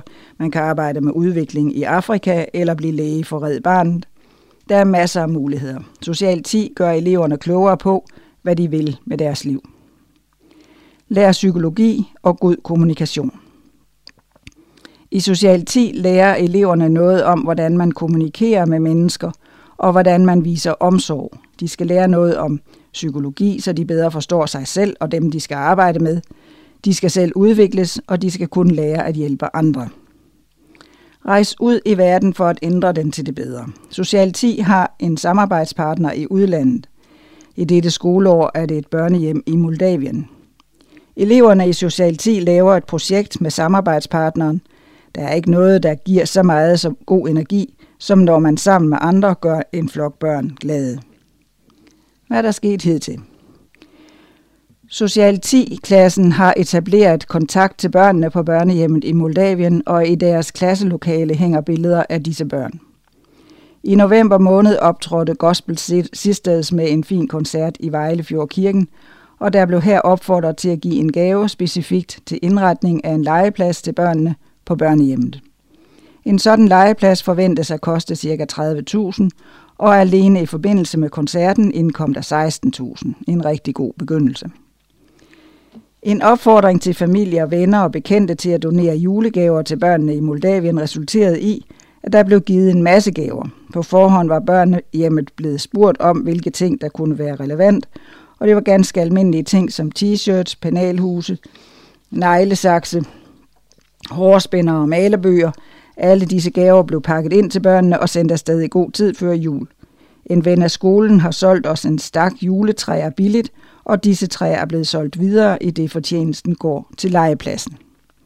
Og der er en masse billeder, både af noget med, med gaver og deroverfra og alt muligt. Og så er der et interview med Johanne i Social 10. Johanne, hvad synes du om ideen bag Social 10? Det er en fed idé, som giver nogle helt specielle oplevelser. Trækplasteret i Global 10 er turen til New York, men der kan man jo altid komme senere i sit liv. Med Social 10 får man nogle oplevelser, man ikke får på anden måde. Hvad har du været med til indtil videre? Jeg har været med til det hele. Vi har samlet små julegaver ind fra forskellige, og jeg har blandt andet brugt noget af min fritid på at ringe rundt til butikker for at få donationer i form af ting til børnene. Jeg var også med til at pakke julegaverne ind til børnene, og de blev sendt afsted midt i november, så de skulle kunne nå frem inden jul. Hvad har været sjovest indtil nu? At pakke julegaver ind og sende afsted, og at samle penge ind, for eksempel med den klub, øh, Gospel Sisters koncert, vi havde på Vejlefjord. Hvornår skal I afsted til Moldavien? Vi rejser en gang i marts måned, og vi er 12-15 stykker, der skal afsted. Vi skal besøge børnehjemmet et par dage og knytte nogle venskaber, og så skal vi også se noget af landet Moldavien. Fortæl om børnene og børnehjemmet. Der er cirka 20 børn på børnehjemmet, og mange af dem er over 10 år gamle, så de er fuldt bevidste om deres situation. Når de er så gamle, er der ikke så mange familier, der vil tage dem til sig. Et af børnene har været ud og ind af hjemmet flere gange. Det er rigtig synd for dem. Jeg har set, at I har billeder af dem i jeres klasse. Ja, en af vores lærere har haft kontakt til dem og bedt dem sende billeder, så dem har vi hængende i vores klasse. Side 28. Sabus-siderne. Og der er først en nytårshilsen fra Sabus-lederen, og det er Dorte Tyrgud Svendsen. Havde vi tænkt, at 2021 også skulle være fyldt med restriktioner? Og nej. Men restriktionerne til trods, så ser vi tilbage på et sabusår med masser af oplevelser, koncerter, spejder, samvær, teenaktiviteter, musik og børnesjov både live og online. Sabos og Adventistkirken er dybt afhængige af hinanden, og det er dejligt at mærke, at vi arbejder i samme retning. At vi øh, altid samarbejder og understøtter hinanden. Tak for dette samarbejde. Vi ser frem til endnu et år med udvikling, sjov og masser af aktiviteter. Ingen ved heldigvis, hvad 2022 kommer til at bringe, men vi har jo lov at drømme. Vi drømmer om, at vi i Sabus bliver endnu bedre til at dele erfaringer og ressourcer på tværs af lokalforeningerne. Der er masser af potentiale, masser af dygtige lokale folk, masser af idéer og endda også masser af penge, som Sabus helleren gerne deler ud af, hvis man har et godt initiativ, man ønsker at afprøve lokalt. Vi drømmer om et stærkt fællesskab, som også i hverdagen kan bidrage til et endnu bedre kristenliv for den enkelte unge, hvor Guds kærlighed skinner igennem og gør arbejdet og samværet værdifuldt. Vi kan drømme sammen, og sammen kan vi komme øh, længere med drømmene. Jeg vil sige dig tak for din indsats i Sabus, om du er medlem eller leder, om du er kagebager eller chauffør, om du er musiker, bibelkyndig eller superspejder, så er din indsats vigtig for at få vores forening til at udvikle sig. Tak Gud for dig, og fordi du vil være med på vores videre rejse i Sabus. Godt nytår. Og så er der noget om Sabus ledertræning. Det er Anne Marie Møller, som har skrevet det. Og det er Dorte og Jens Morten, der har fotograferet. Sidste weekend i oktober havde Sabus arrangeret den årlige ledertræningsweekend. Derfor samledes en skøn flok spejder, teen, ungdoms- og bibelklubledere for at inspirere hinanden og sammen være med i spændende workshops, der ikke bare gav inspiration til det lokale arbejde, men også hjalp lederne med at komme med konkrete planer for, hvordan netop deres lokale forening kan blive endnu bedre, kan udvikle sig og kan opfylde de behov, der er lokalt. En af underviserne var David Hansen, udviklingskonsulent, der gav spændende metoder til, hvordan man kan gøre sin forening til et sted, hvor både ledere og børn og unge trives og får foreningen til at vokse. Gudstjenesten havde fokus på Moses' lederskab, hvor vi på kreative måder så på hans kald, hans måde at uddelegere på, og at Gud kunne bruge en leder, som også begik fejl.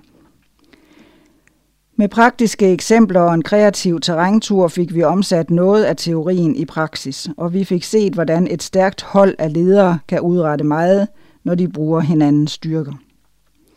Weekenden gav også mulighed for hygge, sang, gåture i det meget smukke område ved Hovens Øje i Kolding Fjord.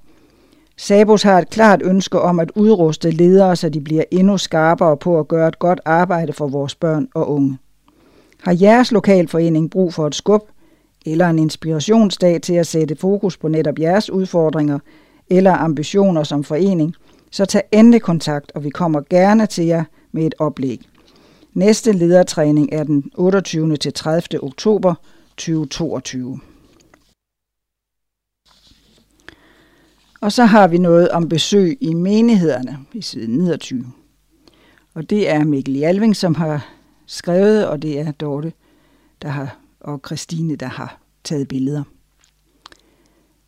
En forening som vores er båret af medlemmerne og det lokale engagement, som medlemmerne ligger i foreningen, der hvor de er. Derfor er det ekstremt vigtigt for os som ansatte i Sabus, at vi er så nærværende som overhovedet muligt. Derfra kommer en drøm om, at vi som ansatte besøger langt de fleste, for ikke at sige alle, menigheder og lokale Sabusforeninger i Danmark. Den drøm er vi begyndt at udleve i år, og det har vi gjort ved at udarbejde et gudstjenestekoncept med fokus på familier, musik og aktiviteter for alle aldre. Det første besøg blev Aarhus Menighed den 9. oktober, og siden er det blevet til besøg i Svendborg, Røde Kro Sønderborg, Odense og Face Out. Det har været en helt fantastisk oplevelse at komme og mærke disse menigheder. Med flere aftaler i kalenderen til næste år glæder vi os utrolig meget til at komme og besøge jer i jeres menighed.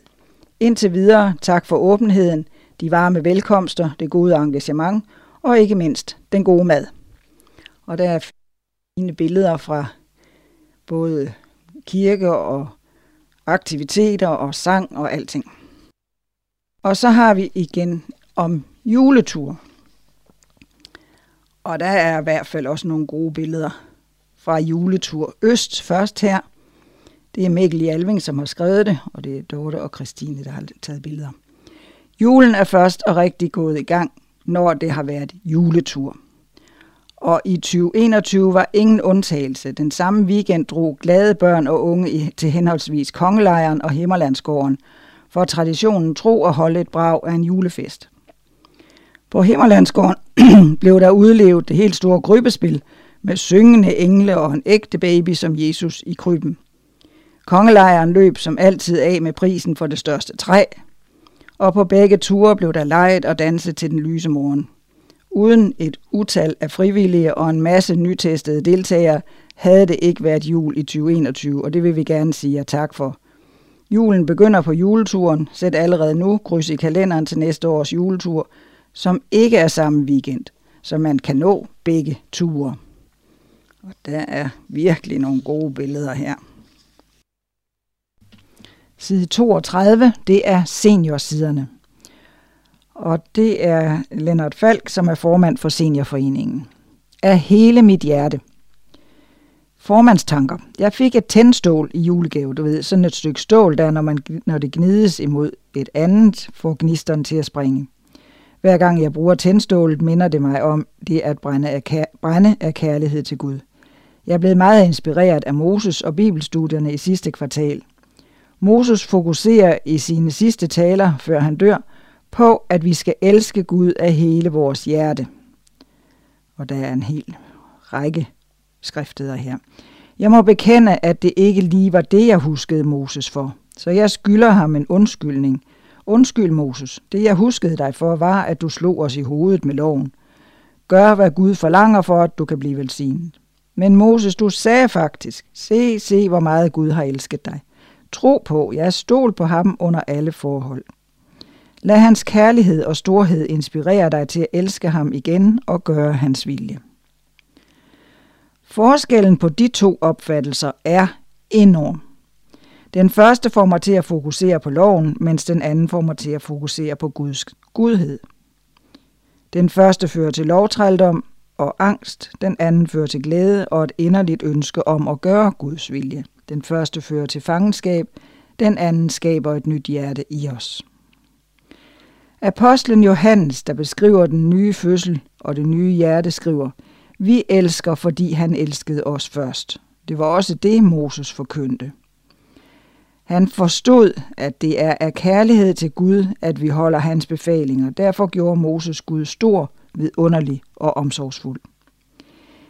I dette kvartal fokuserer vi på en Jesus, der er større end Moses, større end tempeltjenesten og ypperste præsterne, større end englene, ja selv større end Melchizedek. Ham vil jeg elske.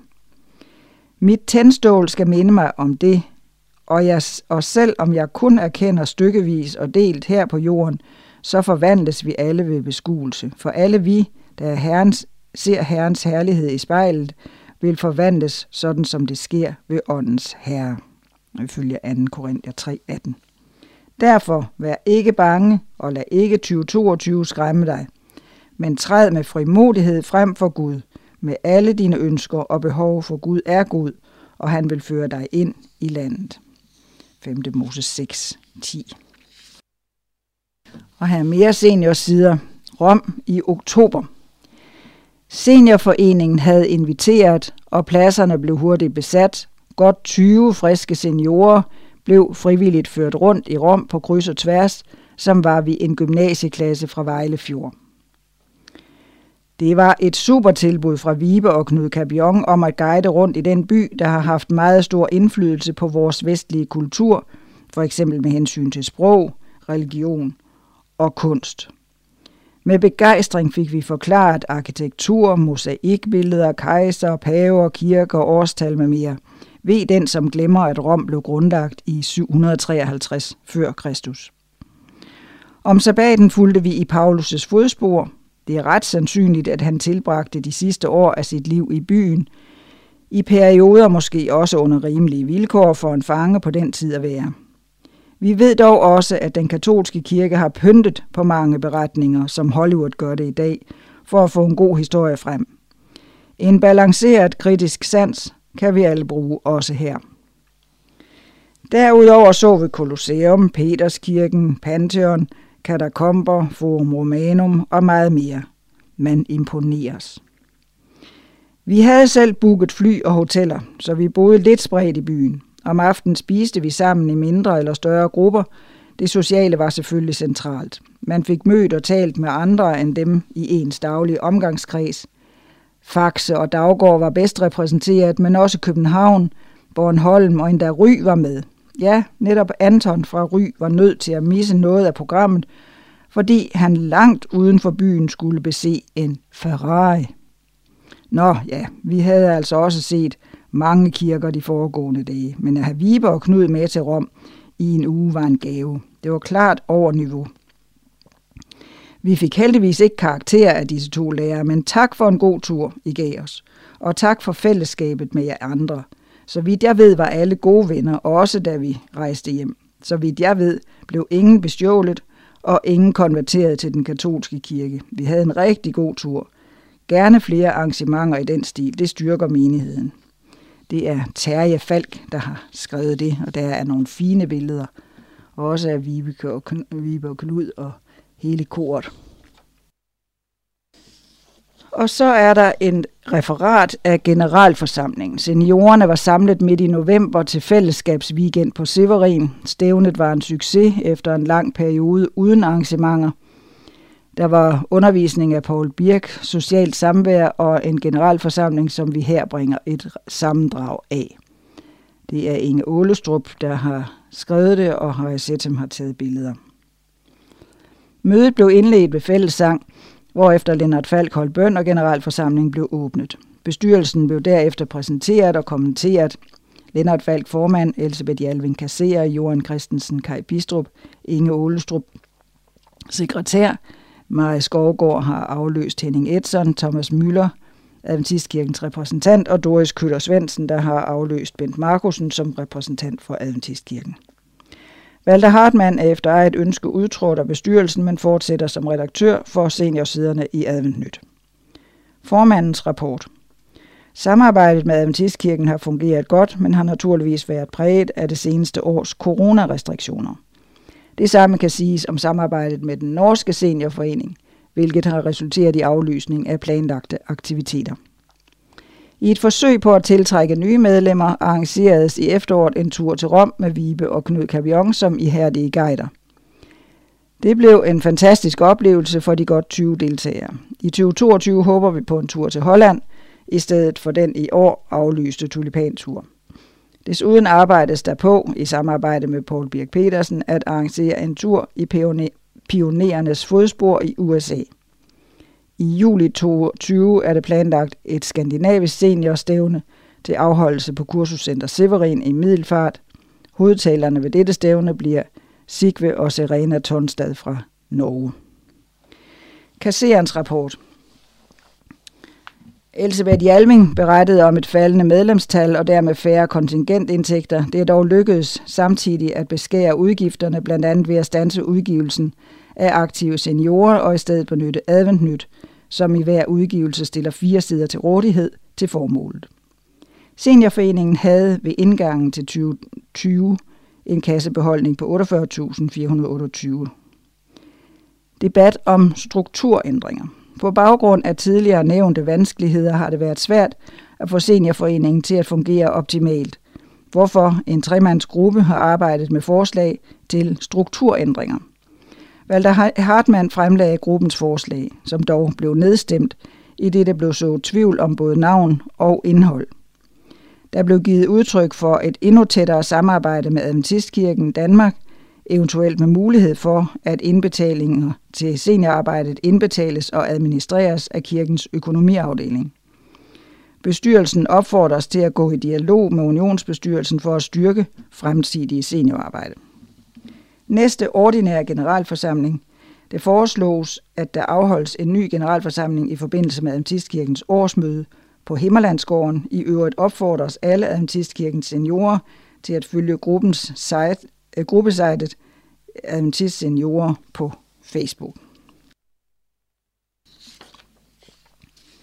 Og mere senior.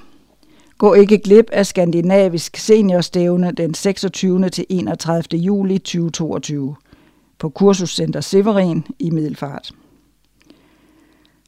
Foreningen for Danske Adventistseniorer indbyder herved seniorer fra Norge, Sverige og Danmark til fem indholdsrige, inspirerende, inciterende dage i naturskønne omgivelser og et topmoderne miljø. Dr. Sigve Tonstad, øh, teolog og læge fra Norge, sørger for den gennemgående undervisning.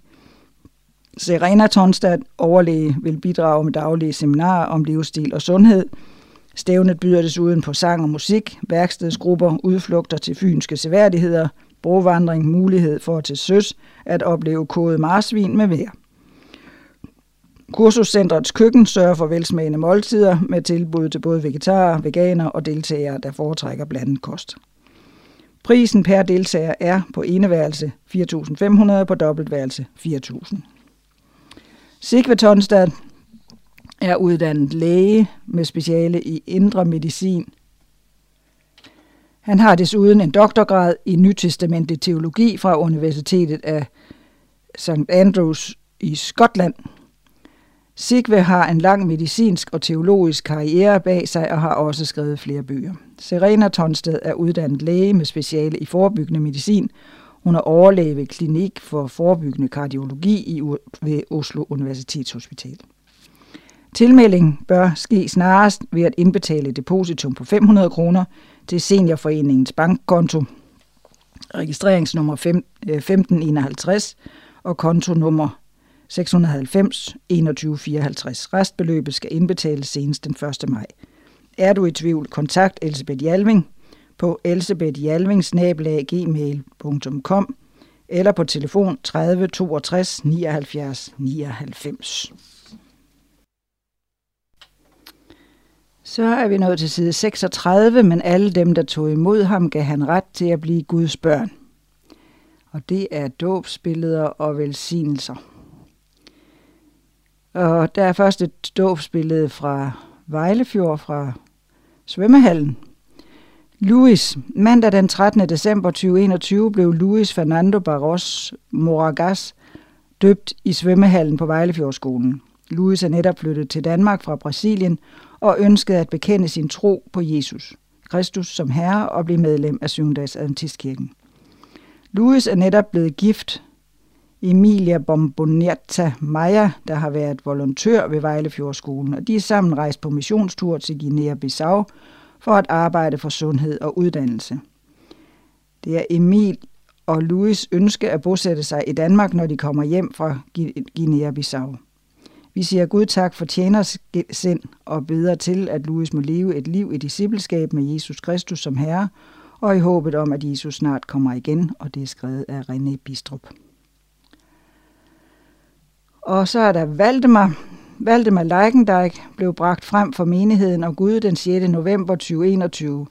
Valdemar er en del af Cafékirken sammen med e- sine forældre, Jadana og Peter – og sine to storebrødre Maximilian og Augustus. Vi takker og priser Gud for mig og beder om, at han altid må føle sig set og elsket af Gud med vidsheden om, at Gud aldrig glemmer et af sine børn. Det er Anne-Marie Møller. Og en velsignelse mere med Anne-Marie Møller, det er Oliver. Oliver Kron Elkær blev velsignet og bragt frem for Gud i nærmenighed den 27. november 2021 af sine forældre Josefine og Rasmus. Også storebror Valdemar var med på platformen. Vi er taknemmelige for Oliver og for den dejlige familie, han er omgivet af, og beder om, at menigheder og forældre må stå sammen om at vise Oliver, hvor højt elsket han er af Gud. Og en flere børnevelsignelser. Der er faktisk fem her.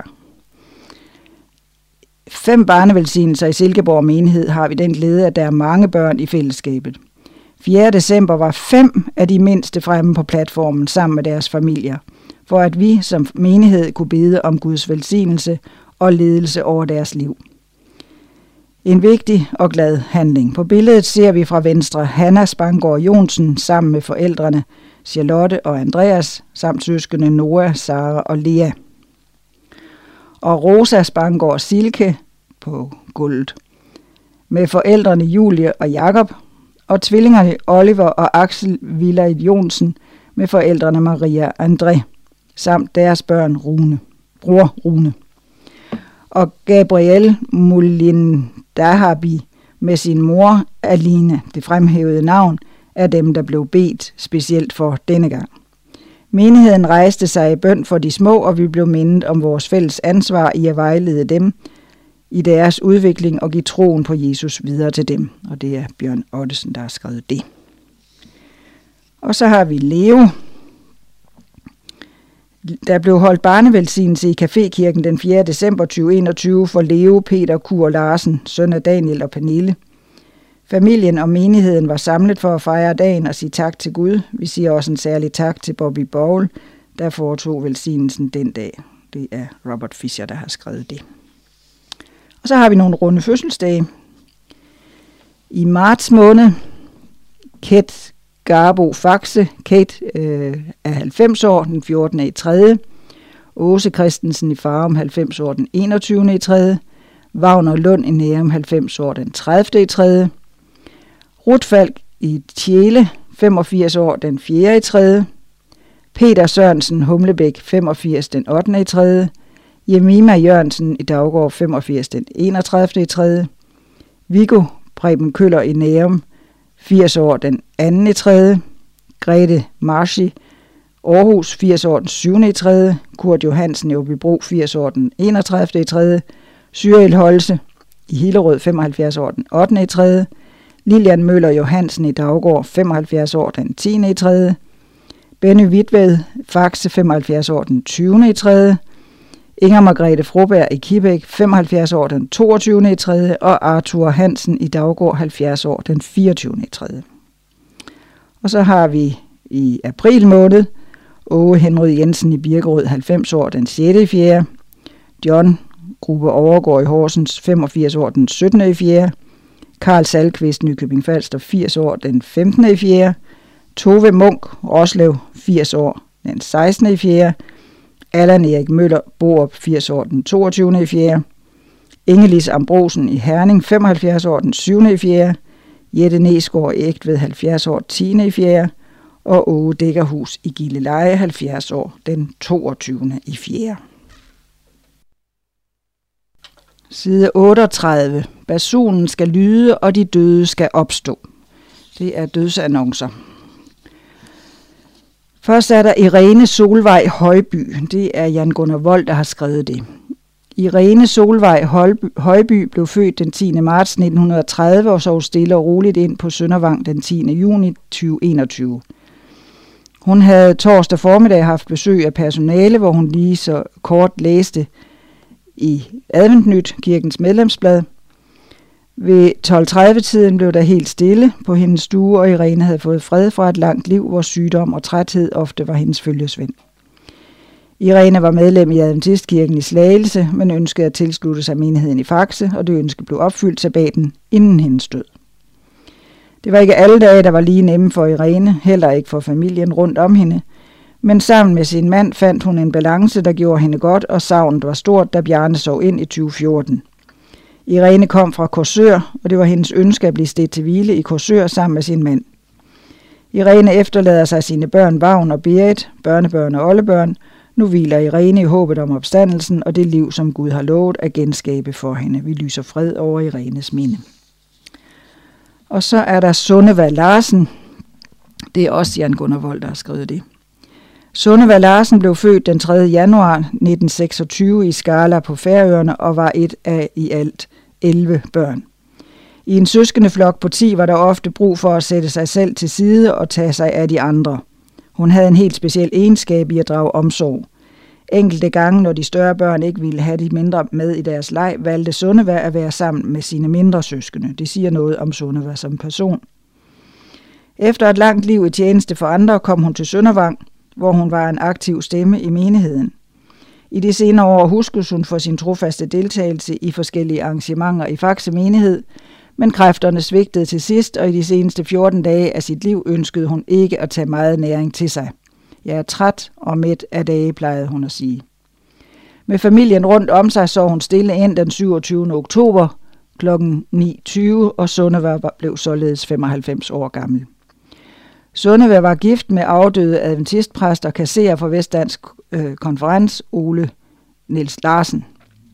Og hun efterlader sig to børn, Hasse på 68 og Henning på 57. Tre børnebørn og et oldebarn. Den klippefaste tro på Gud, som Sundevær havde, har altid været en inspiration for hendes familie. Hendes største ønske i livet var at møde sine kære igen i opstandelsen, når Jesus kommer. Nu sover hun stille, indtil vi igen skal møde Sundeva. Fred være med hendes, hendes mine. Og så har vi Arna Andersen.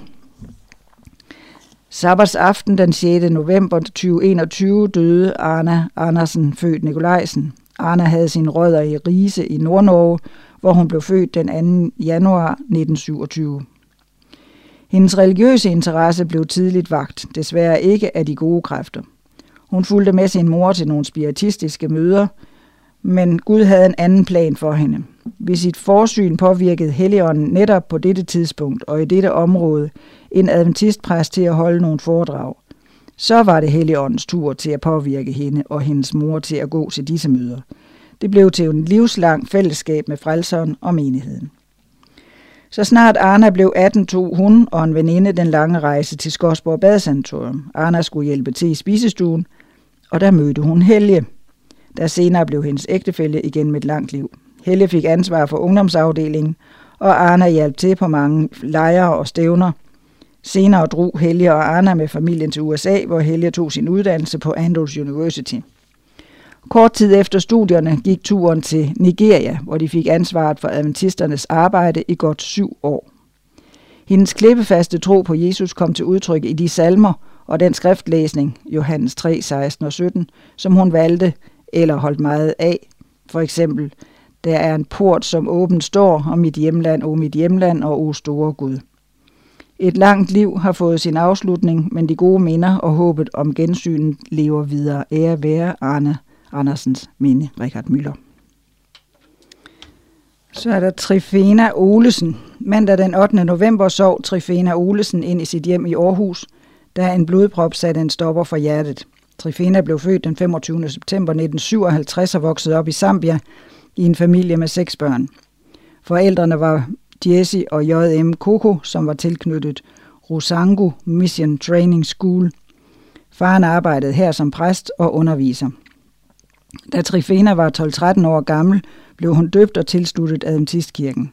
Hun har i alle årene stået som medlem i sin barndomsmenighed i hjemlandet Zambia. I 1979 kom hun til Danmark og blev gift Olesen. Hun fik to piger, Pia og Susanne, som hun gav al sin kærlighed. Det var vigtigt for hende, at døtrene fik en god uddannelse, som de kunne trives i og være til gavn med. Trifena var begavet med mange evner. I hjemlandet Zambia udfoldede hun sine musikalske evner som organist i kirken. De sidste mange år boede hun alene og brugte sine kreative evner flittigt med at male, hækle, brodere og sy sit eget tøj. I livet var der også svære ting. Ægteskabet holdt ikke, og det var måske heller ikke så lige til at forlade sit hjem, hjemland og bosætte sig i et land langt borte i Danmark. Mindehøjtidligheden foregik fra Aarhus Adventistkirke, og nu hviler Trifena på Brabrand Kirkegård til opstandelsens morgen. Trifena efterlader sig døtrene Pia og Susanne, svigersønner og fem børnebørn, samt en ældre søster, Viera Coco, bosiddende i Los Angeles, Kalifornien som ser frem til gensynet med deres mor, svigermor, mormor og søster. Er at være Trifena Olesens minde, Robert Svendsen. Og så er der Kai Harits Nielsen, sov stille ind torsdag den 23. december på Randers Centralsygehus, hvor han var indlagt efter, at han var faldet og havde brækket hoften. Kai blev født i Aarhus den 16. april 1943. Hans mor var syvendags adventist, så lige fra barndommen kom Kai i Adventistkirken i Aarhus. Som barn gik han på Adventistskolen i Nørre Allé og derefter i Mellem- og Realskolen på Elise Schmidt skolen. Som ung mand besluttede han, at han ville tro og følge Jesus, så den 9. maj 1959 blev han døbt i Aarhus Adventistkirke af Pastor Børge Olsen. Kai fandt i adventroen en ledetråd for ham igennem livet tro på, at Jesus døde for dig. Kai rejste til Skodsborg Badesanatorium og fuldførte fysioterapeuddannelsen der. Her mødte han en pige fra Schweiz, og de blev forelsket og gift 11. januar 1964 for næsten 58 år siden. De har siden vandret sammen gennem livet, hvor de har boet flere steder for at ende i Randers. Kai var kendt for at være energisk. Faktisk kørte han med sine opgaver i livet med speederen i bund. Han var altid parat til at hjælpe. Han var der, når der var brug for ham. Han var gavmild. Han var optimistisk. Han kunne være ret bestemt. Nogen ved side kantet, og for nogen virkede det måske lidt skræmmende. Men bagved var der en person med en vis lune og munterhed og en hudløs ærlighed, og han var åben over for andres meninger. Han elskede Viviane og deres fire børn. Kirsten, Hanne, David og Pia og deres familier. Så kom dagen, hvor Kajs lys brændte ned. Nu hviler han, indtil Herren kommer, er at være Kajs minde. John Pedersen. Og så er der Hans Frederiksen. Hans Jørgen Frederiksen døde den 8. januar i sit hjem i Ullerslev, 92 år gammel. Han blev født 26. juni 1929 og voksede op på et landbrug nær Lands i Sønderjylland. Efter to års ophold og skolegang på Vejlefjordskolen tænkte Hans, at landbruget ville blive hans levevej. Men kæresten Lis fik i stedet Hans med til Skosborg, hvor de uddannede sig til fysioterapeuter. Igennem årene blev det til skiftende arbejdspladser, men især årene på Færøerne som bestyrer af Skodsborgbadet i Torshavn fik en stor plads i deres hjerter. Det var også her døtrene Heidi og Meise kom til verden. De sidste 17 år inden pensionen drev de egen klinik i Børkop. En af hans store passioner var malerkunsten, både som kopist og som nyskabende. Gennem årene blev det til en overvældende produktion af malerier, som pryder både kirker og mange færøske og danske hjem. Mange af dem er kendte færø-motiver. I hjemmet og familien var der også meget musik, klaver, fløjte, sav, guitar. At få lydhøre toner ud af saven var Hans specialitet, som kræver stort gehør. For 10 år siden mistede Hans sin ægtefælle, Lis. Men efter nogen tid fandt Lises søster Grete og Hans sammen. Og det blev til yderligere 10 gode år for dem begge. Hans var et religiøst menneske, som stolede fuldt og fast på Gud. I kirken engagerede han sig med flere opgaver som menighedstjener, ordstyrer ved bibelstudien og i flere år som aktiv lægprædikant ved gudstjenesten i flere kirker. Bisættelsen foregik fra Nyborg Adventkirke, og nu hviler han på øh, Gaverslund Kirkegård til opstandelsens lysemorgen. Ære være Hans Frederiksens minde, Robert Svensen. Og så er der Johannes Ibsen, Johannes Ibsen fra Faxe Menighed, tidligere nærmenighed, døde i sit hjem på Søndervang den 30. december 2021. Johannes Ibsen blev født den 5. marts 1924 i Østerlars på Bornholm. Som ung tog han på Vejlefjordskolen, og mens krigen stadig stod på, vendte han tilbage til Bornholm. Her gik han i gartnerlærer og byggede sit eget lille gartneri ved hjemmet i Østerlars. I en periode solgte han afgrøder fra gartneriet på hospitalet i Åkirkeby. Efter krigen tog Johannes til Skodsborg Badesanatorium, hvor han tog kokken, køkkenuddannelse, suppleret med en afsluttende kokkeuddannelse på et hotel i København. På Skodsborg mødte Johannes sin kommende kone Evelyn fra Norge. De blev gift i 1950 og flyttede til Åndsrud i Norge. Indtil de senere vendte tilbage til Nærum, og Johannes igen blev kok på Skodsborg Badesanatorium.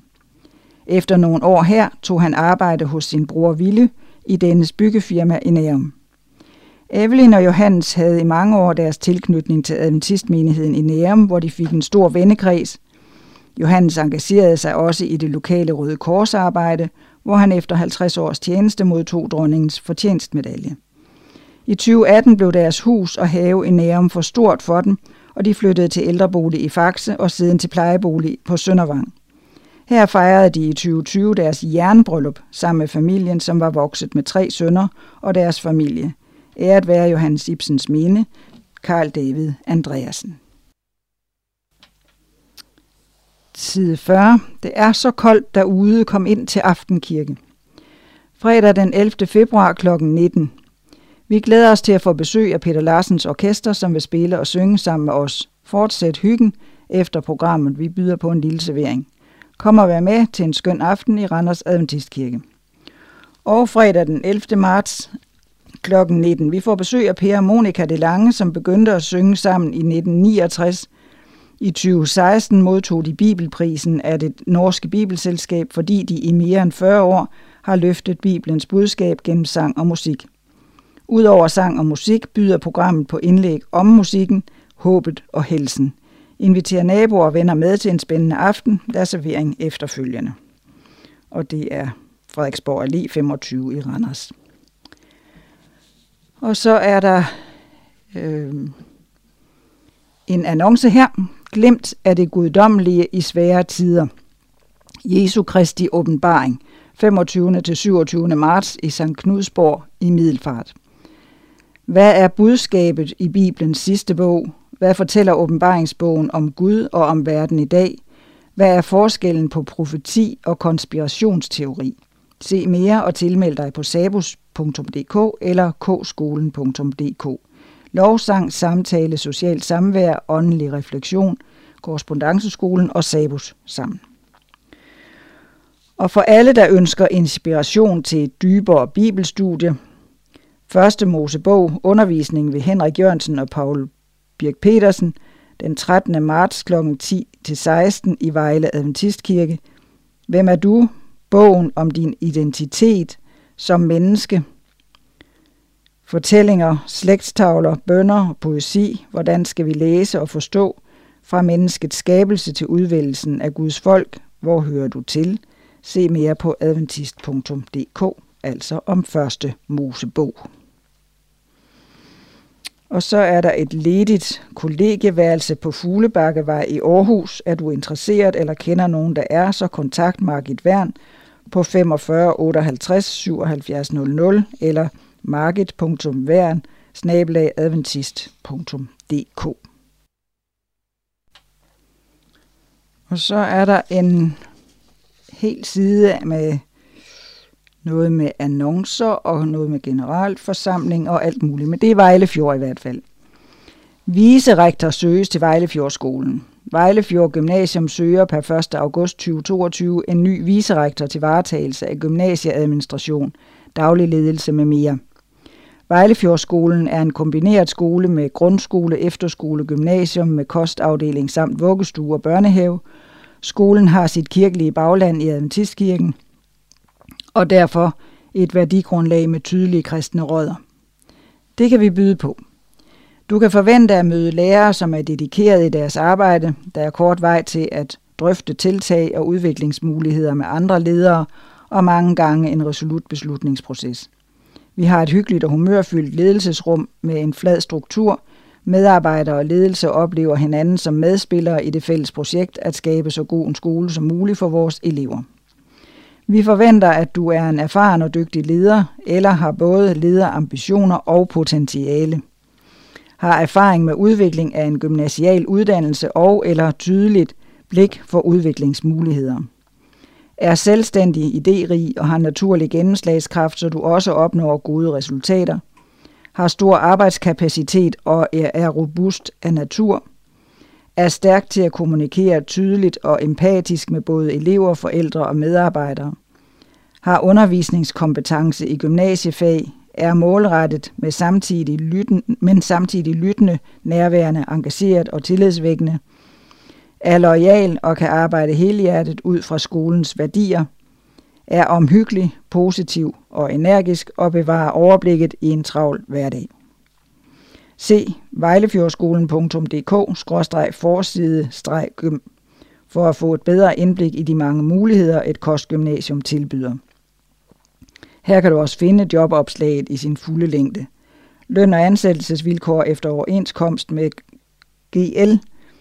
Yderligere oplysninger rektor Kai Flinker, telefon 27 77 14 10.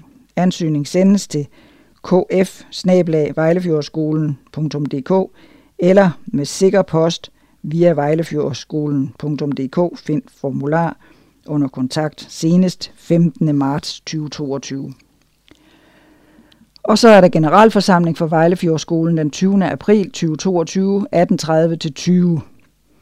Generalforsamlingen på Vejlefjordskolen er en god anledning for skole- og forældrekredsen til at mødes og få indblik i skolens drift og drøfte skolens fremtid.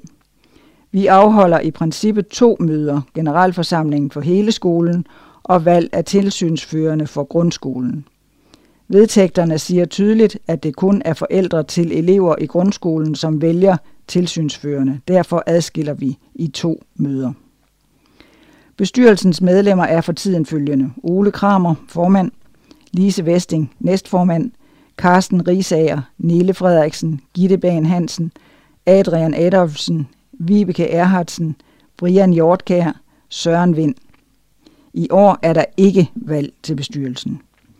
Det er muligt at indsende forslag, som ønskes behandlet på generalforsamlingen senest den 10. april. Forslag sendes til rektor på kf som straks viderebringer til bestyrelsen. På grund af forholdsregler i forhold til corona bedes man tilmelde sig på forhånd til info senest dagen i forvejen, men gerne før. Møde 1. Generalforsamling. 1. Valg af dirigent. 2. Bestyrelsens beretning ved Ole Kramer. 3. Rektors beretning ved Kai Flinker. 4. Bestyrelsen forelægger det reviderede regnskab til orientering ved Begitte Holm. 6. Indkommende forslag. Og det, det skulle der vist være 5. Nå. Og 6 eventuelt. Og så møde to, Valg af tilsynsførende. Der er tradition for, at forældrekredsen på Vejlefjordskolen vælger Hedensted Kommune som tilsynsførende. Det er en god sikring af, at vi bliver evalueret i forhold til det kvalitetsniveau, der er i folkeskolen. Det er derfor bestyrelsens forslag, at forældrekredsen vælger kommunen igen. Medlemmer af forældrekredsen kan dog ved mødet fremsætte alternative forslag til tilsynsførende, så det bliver kampvalg. Vi glæder os til at se jer til generalforsamlingen Ole Kramer, formand for bestyrelsen, og Kai Flinker, rektor. Og vi har flere annoncer her. På side 42, Adventistkirken søger leder for kommunikations- og medieafdelingen. Brænder du for formidling af det kristne budskab på nye og innovative måder? Ønsker du at stå i spidsen for forbedring af kirkens kommunikation – er du stærk til at kommunikere skriftligt og mundtligt. Som leder vil det være din opgave at løfte kirkens kommunikation på tværs af konventionelle og digitale platforme. Stillingen indeholder ansvar for trygte udgivelser, websider, sociale medier med mere. Du skal lede og inspirere et lille team på kontoret i Nærum, der arbejder med forskellige medieopgaver, og du skal i tillæg engagere og motivere frivillige til indsatsen. Som leder for kommunikations- og medieafdelingen er dine væsentligste opgaver. At samle og skabe en større synergi mellem de mange kommunikations- og medietiltag, som kirken allerede arbejder med, at udbrede kendskab til Adventistkirken og dens budskab gennem de forskellige medier, at sikre en intern kommunikation, der kan inspirere og samle kirkens medlemmer, at lede afdelingens personale således, at der arbejdes sammen som et team – at initiere produktion af indhold på trygte og digitale platforme herunder manuskripter til medieproduktion. Stillingen er fuldtid og indbefatter, at du har hænderne nede i maskinrummet. Så om du er dygtig til at skrive, filme, redigere eller arbejde med hjemmesider, så vil stillingen blive sammensat efter dine talenter og indeholde gode udviklingsmuligheder for at tilegne sig nye færdigheder. Send en motiveret ansøgning til lasse.bæk snabelagadventist.dk inden 1. marts 2022. Og så inviterer Ringsted Adventistkirke til 50 års jubilæum den 10. april 2022 kl. 10. Sang og musik og forskellige indslag om menighedens liv gennem 50 år, samt tanker om, hvor vi er på vej hen, fællesspisning efter programmet. Og så er der generalforsamling for Happy Hand på Himmerlandsgården den 26. maj 2022 kl. 21.15. Og 1. Valg af dirigent og referent. 2. Bestyrelsens beretning. 3. Fremlæggelse og godkendelse af årsregnskab med revisionserklæring. Øh, 4. Indkommende forslag. 5. Valg af bestyrelsesmedlemmer. 6. Valg af revisor. 7. Eventuelt. Og forslag til dagsorden fremsendes senest 24. april til lise.vesting Vel mødt, Lise Vestning, formand. Telefon 40 19 27 82. Og så er der værelser til leje i Trørød. To værelser i alt 33 kvadratmeter med egen indgang ledig fra 1. april, eget bad, toilet samt tekøkken med kogeplade, mikroovn og køleskab. Der er tv, vaskemaskine og egen terrasse i haven. Huset ligger i et villakvarter tæt på skov og strand ved Bækhavn. Offentlig transport og indkøb, husleje 5.000 kroner per måned, inklusiv el, vand, varme og trådløst internet. Henvendelse til Bjørn og Lone Krøl på mobil 60 94 49 29 og øh, skråstreg 41 61 06 96. Side 43. Udvikling af Himmerlandsgården.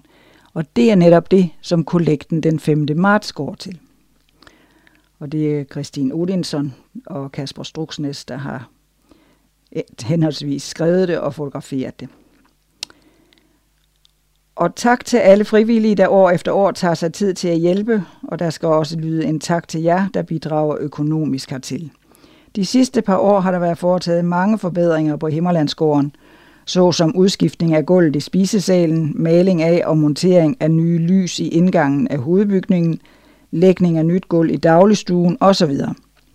De indsamlede gaver ved denne kollekt vil vi bruge til at påbegynde indsam i standsættelse af værelserne i annekset – der skal i hvert værelse lægges nyt gulv, males, udskiftet møbler og bare generelt opfriskes til en moderne standard. Hvor mange værelser kan vi mon opgradere med denne kollekt? Det vil I kunne læse om i Adventnyt på et senere tidspunkt. Giv en god gave den 5. marts, hvor landskollekten går til Himmerlandsgården. Og så har vi kollekten den 2. april, som er kirkens skolearbejde. Og det er Holger Daggaard, der har skrevet det, og det er Søren Pedersen fra Ringsted Privatskole, der har taget et fint billede af en flok børn i en sofa. Adventistkirken driver fortsat fem grundskoler. Svanevej, Nærum, Roskilde, Ringsted og Vejlefjord. Omkring 450 børn modtager hver dag undervisning fra dedikerede lærere og bliver dagligt mødt med vores kristne værdier. Eleverne kommer fra alle mulige samfundslag, baggrunde og trosgrundlag. Skolerne er derfor en vigtig del af kirkens mission og fortjener alt mulig støtte. Som privatskoler er der til stadighed behov for frivillige hjælpere og donorer.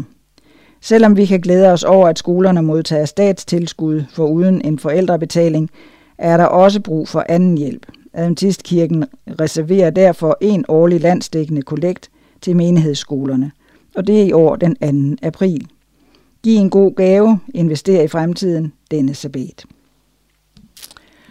Og så har vi en kalender. 20. til 26. februar Adventistkirkens skitur i Norge, og den er booket helt op, så der er ikke noget at komme efter der. 28. februar deadline for materiale til Adventnyt nummer 2. 4. til 6. marts international fodboldstævne i Vejlefjordskolen. 19. marts Global Youth Day i hele landet.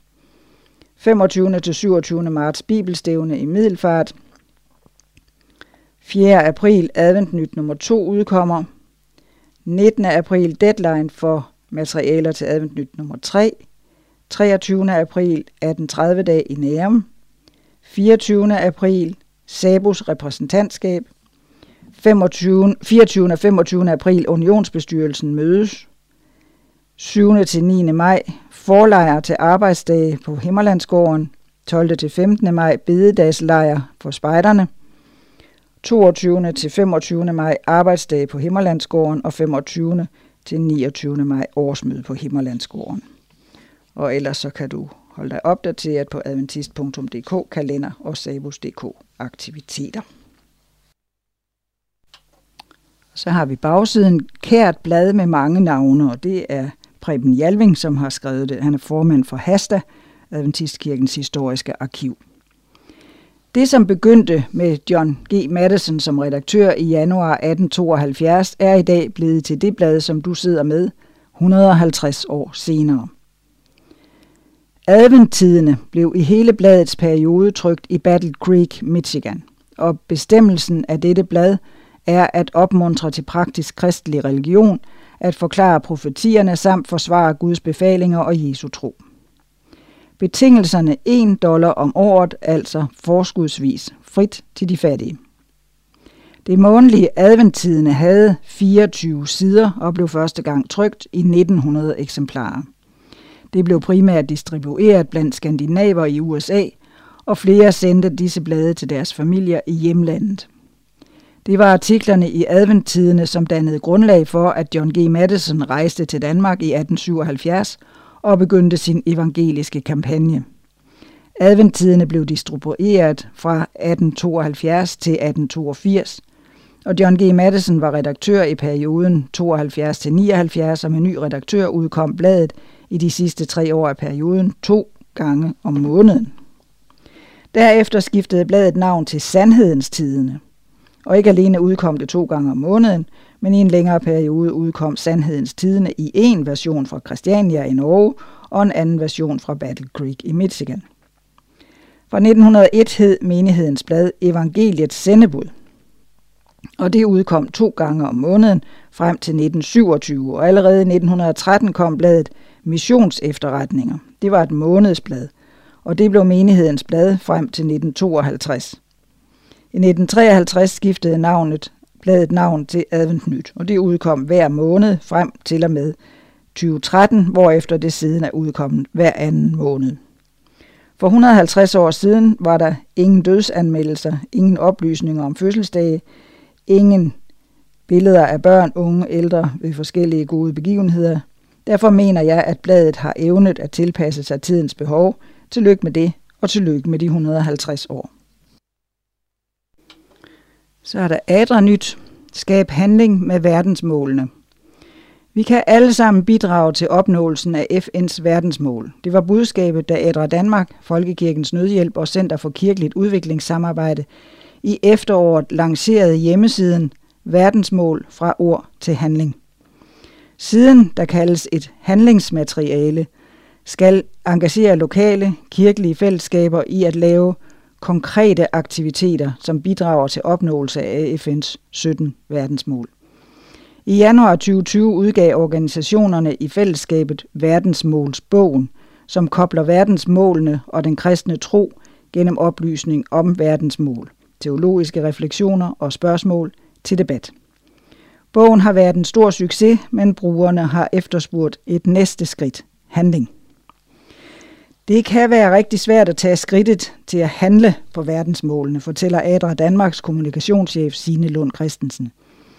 Det kan virke uoverskueligt, men faktisk er styrken i verdensmålene, at de kobler det lokale og globale sammen, og at lokale handlinger i Danmark også er vigtige bidrag. Siden er for lokale fællesskaber. På siden kan man lære mere om verdensmålene, blive inspireret til handlinger og desuden blive ledt til at identificere, hvilke aktiviteter man vil sætte i gang. Værktøjet er tiltænkt mindre lokale fællesskaber, for eksempel spejdergrupper, menighedsråd, netværks- og frivillige grupper. Når man er gennem processen, har man lavet en handlingsplan og er klar til at gå i gang. Fællesskaberne i vores organisationers kirkelige bagland vil rigtig gerne gøre en forskel i verden. De er handlekraftige, og nu holder vi dem lidt i hånden til at komme i gang. Kirkerne vil desuden gerne række ud i lokalområderne og det er alle de her aktiviteter en oplagt mulighed for, forklarer Signe Lund Christensen. Du kan se handlingsmaterialet på www.verdensmål med to A'er og handling.dk.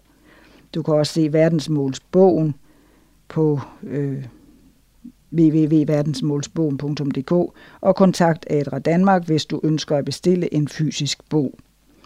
Og så kan, er en lille annonce, stort online auktionsshow lørdag den 26. februar kl. 19. Læs mere på adra.dk-auktion. Adra Danmark får flere penge i aftale med Udenrigsministeriet. Efter næsten et års forarbejde og en hektisk ansøgningsproces fik vi kort før jul endelig nyheden om, at vores indsats for verdens fattige og udsatte fortsat støttes i en ny fireårig periode. Selvom Adra Danmark havde en god fornemmelse af ansøgningen til Udenrigsministeriet, følte medarbejderne sig alligevel temmelig opløftede, da beskeden tikkede ind kort før juleferien. ADRA kan fortsat kalde sig en af Danidas strategiske partnere. Det betyder, at vi også de næste fire år frem er sikret et stort årligt millionbeløb til indsatserne i Afrika og Mellemøsten. Gennem det nye strategiske partnerskab vil vi hvert år modtage 38 millioner kroner til og med 2025. Det strategiske partnerskab med Danida er afgørende for, at vi kan sikre kontinuitet i projekterne i syd og bidrage til hold, holdbare fremskridt for de mennesker, vi er sat i verden for at række ud til, siger en glad generalsekretær Jens Vesterager.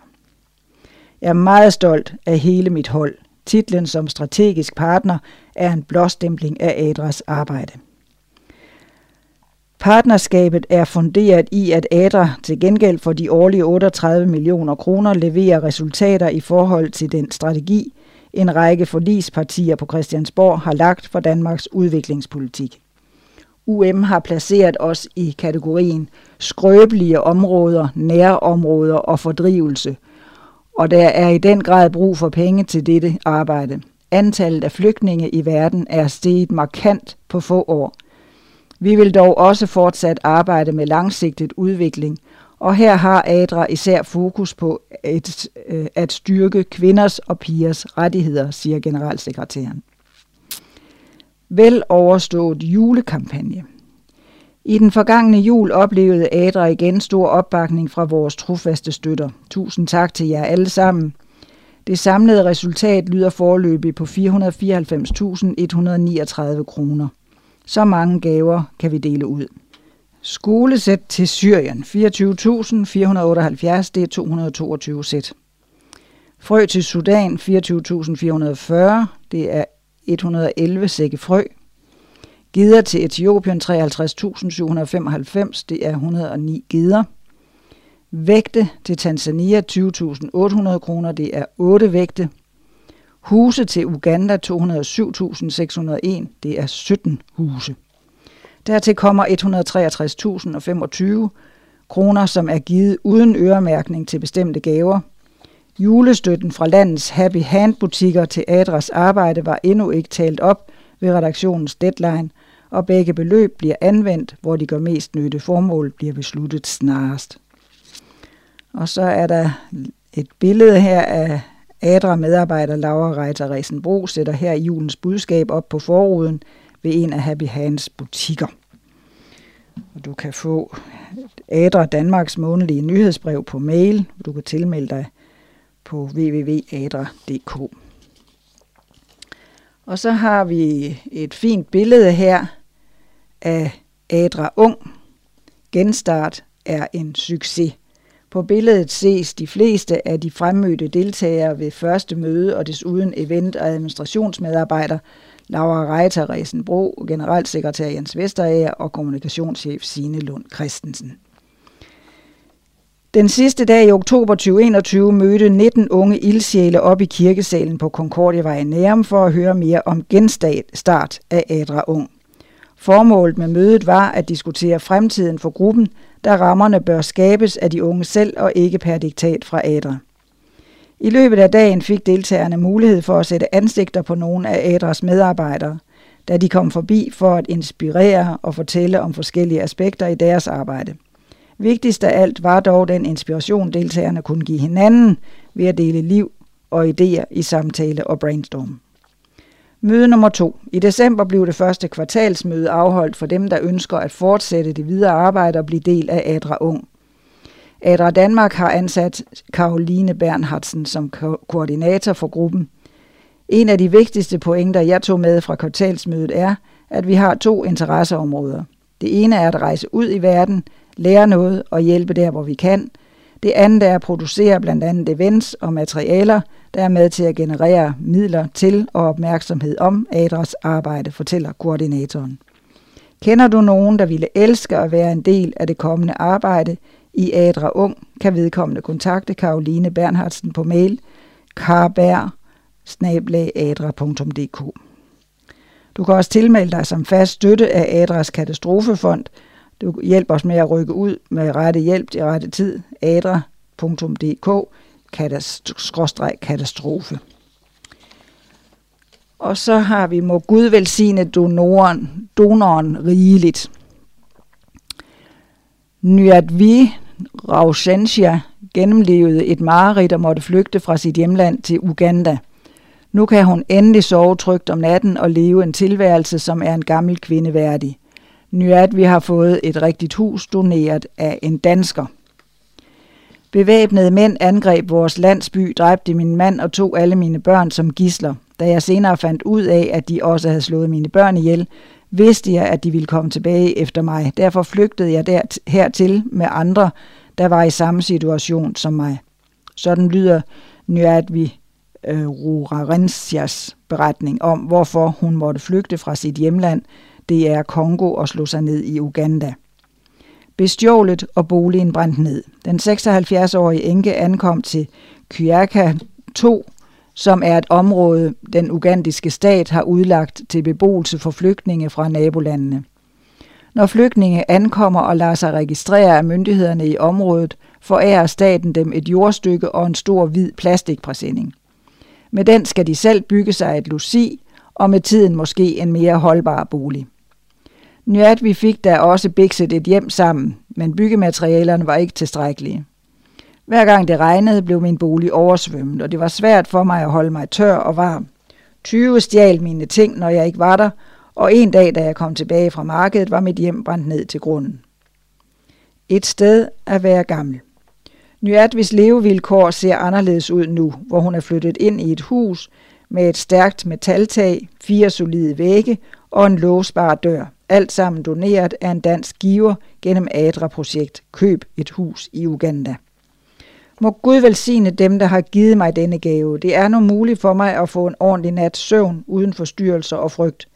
Jeg kan forlade mit hus, uden at mine ting bliver stjålet, fordi jeg er gammel og svag, kan jeg ikke arbejde så meget, og det eneste, jeg ønsker mig af livet nu, er en fredelig og tryg tilværelse. Det har jeg fået i mit nye hus. Og så kan du blive fast støtte af Adra Danmark. Med et fast månedligt bidrag er du med til at give vores arbejde et solidt fundament, og på den måde hjælper du mennesker, hvor behovet er størst. www.adra.dk STOET støt.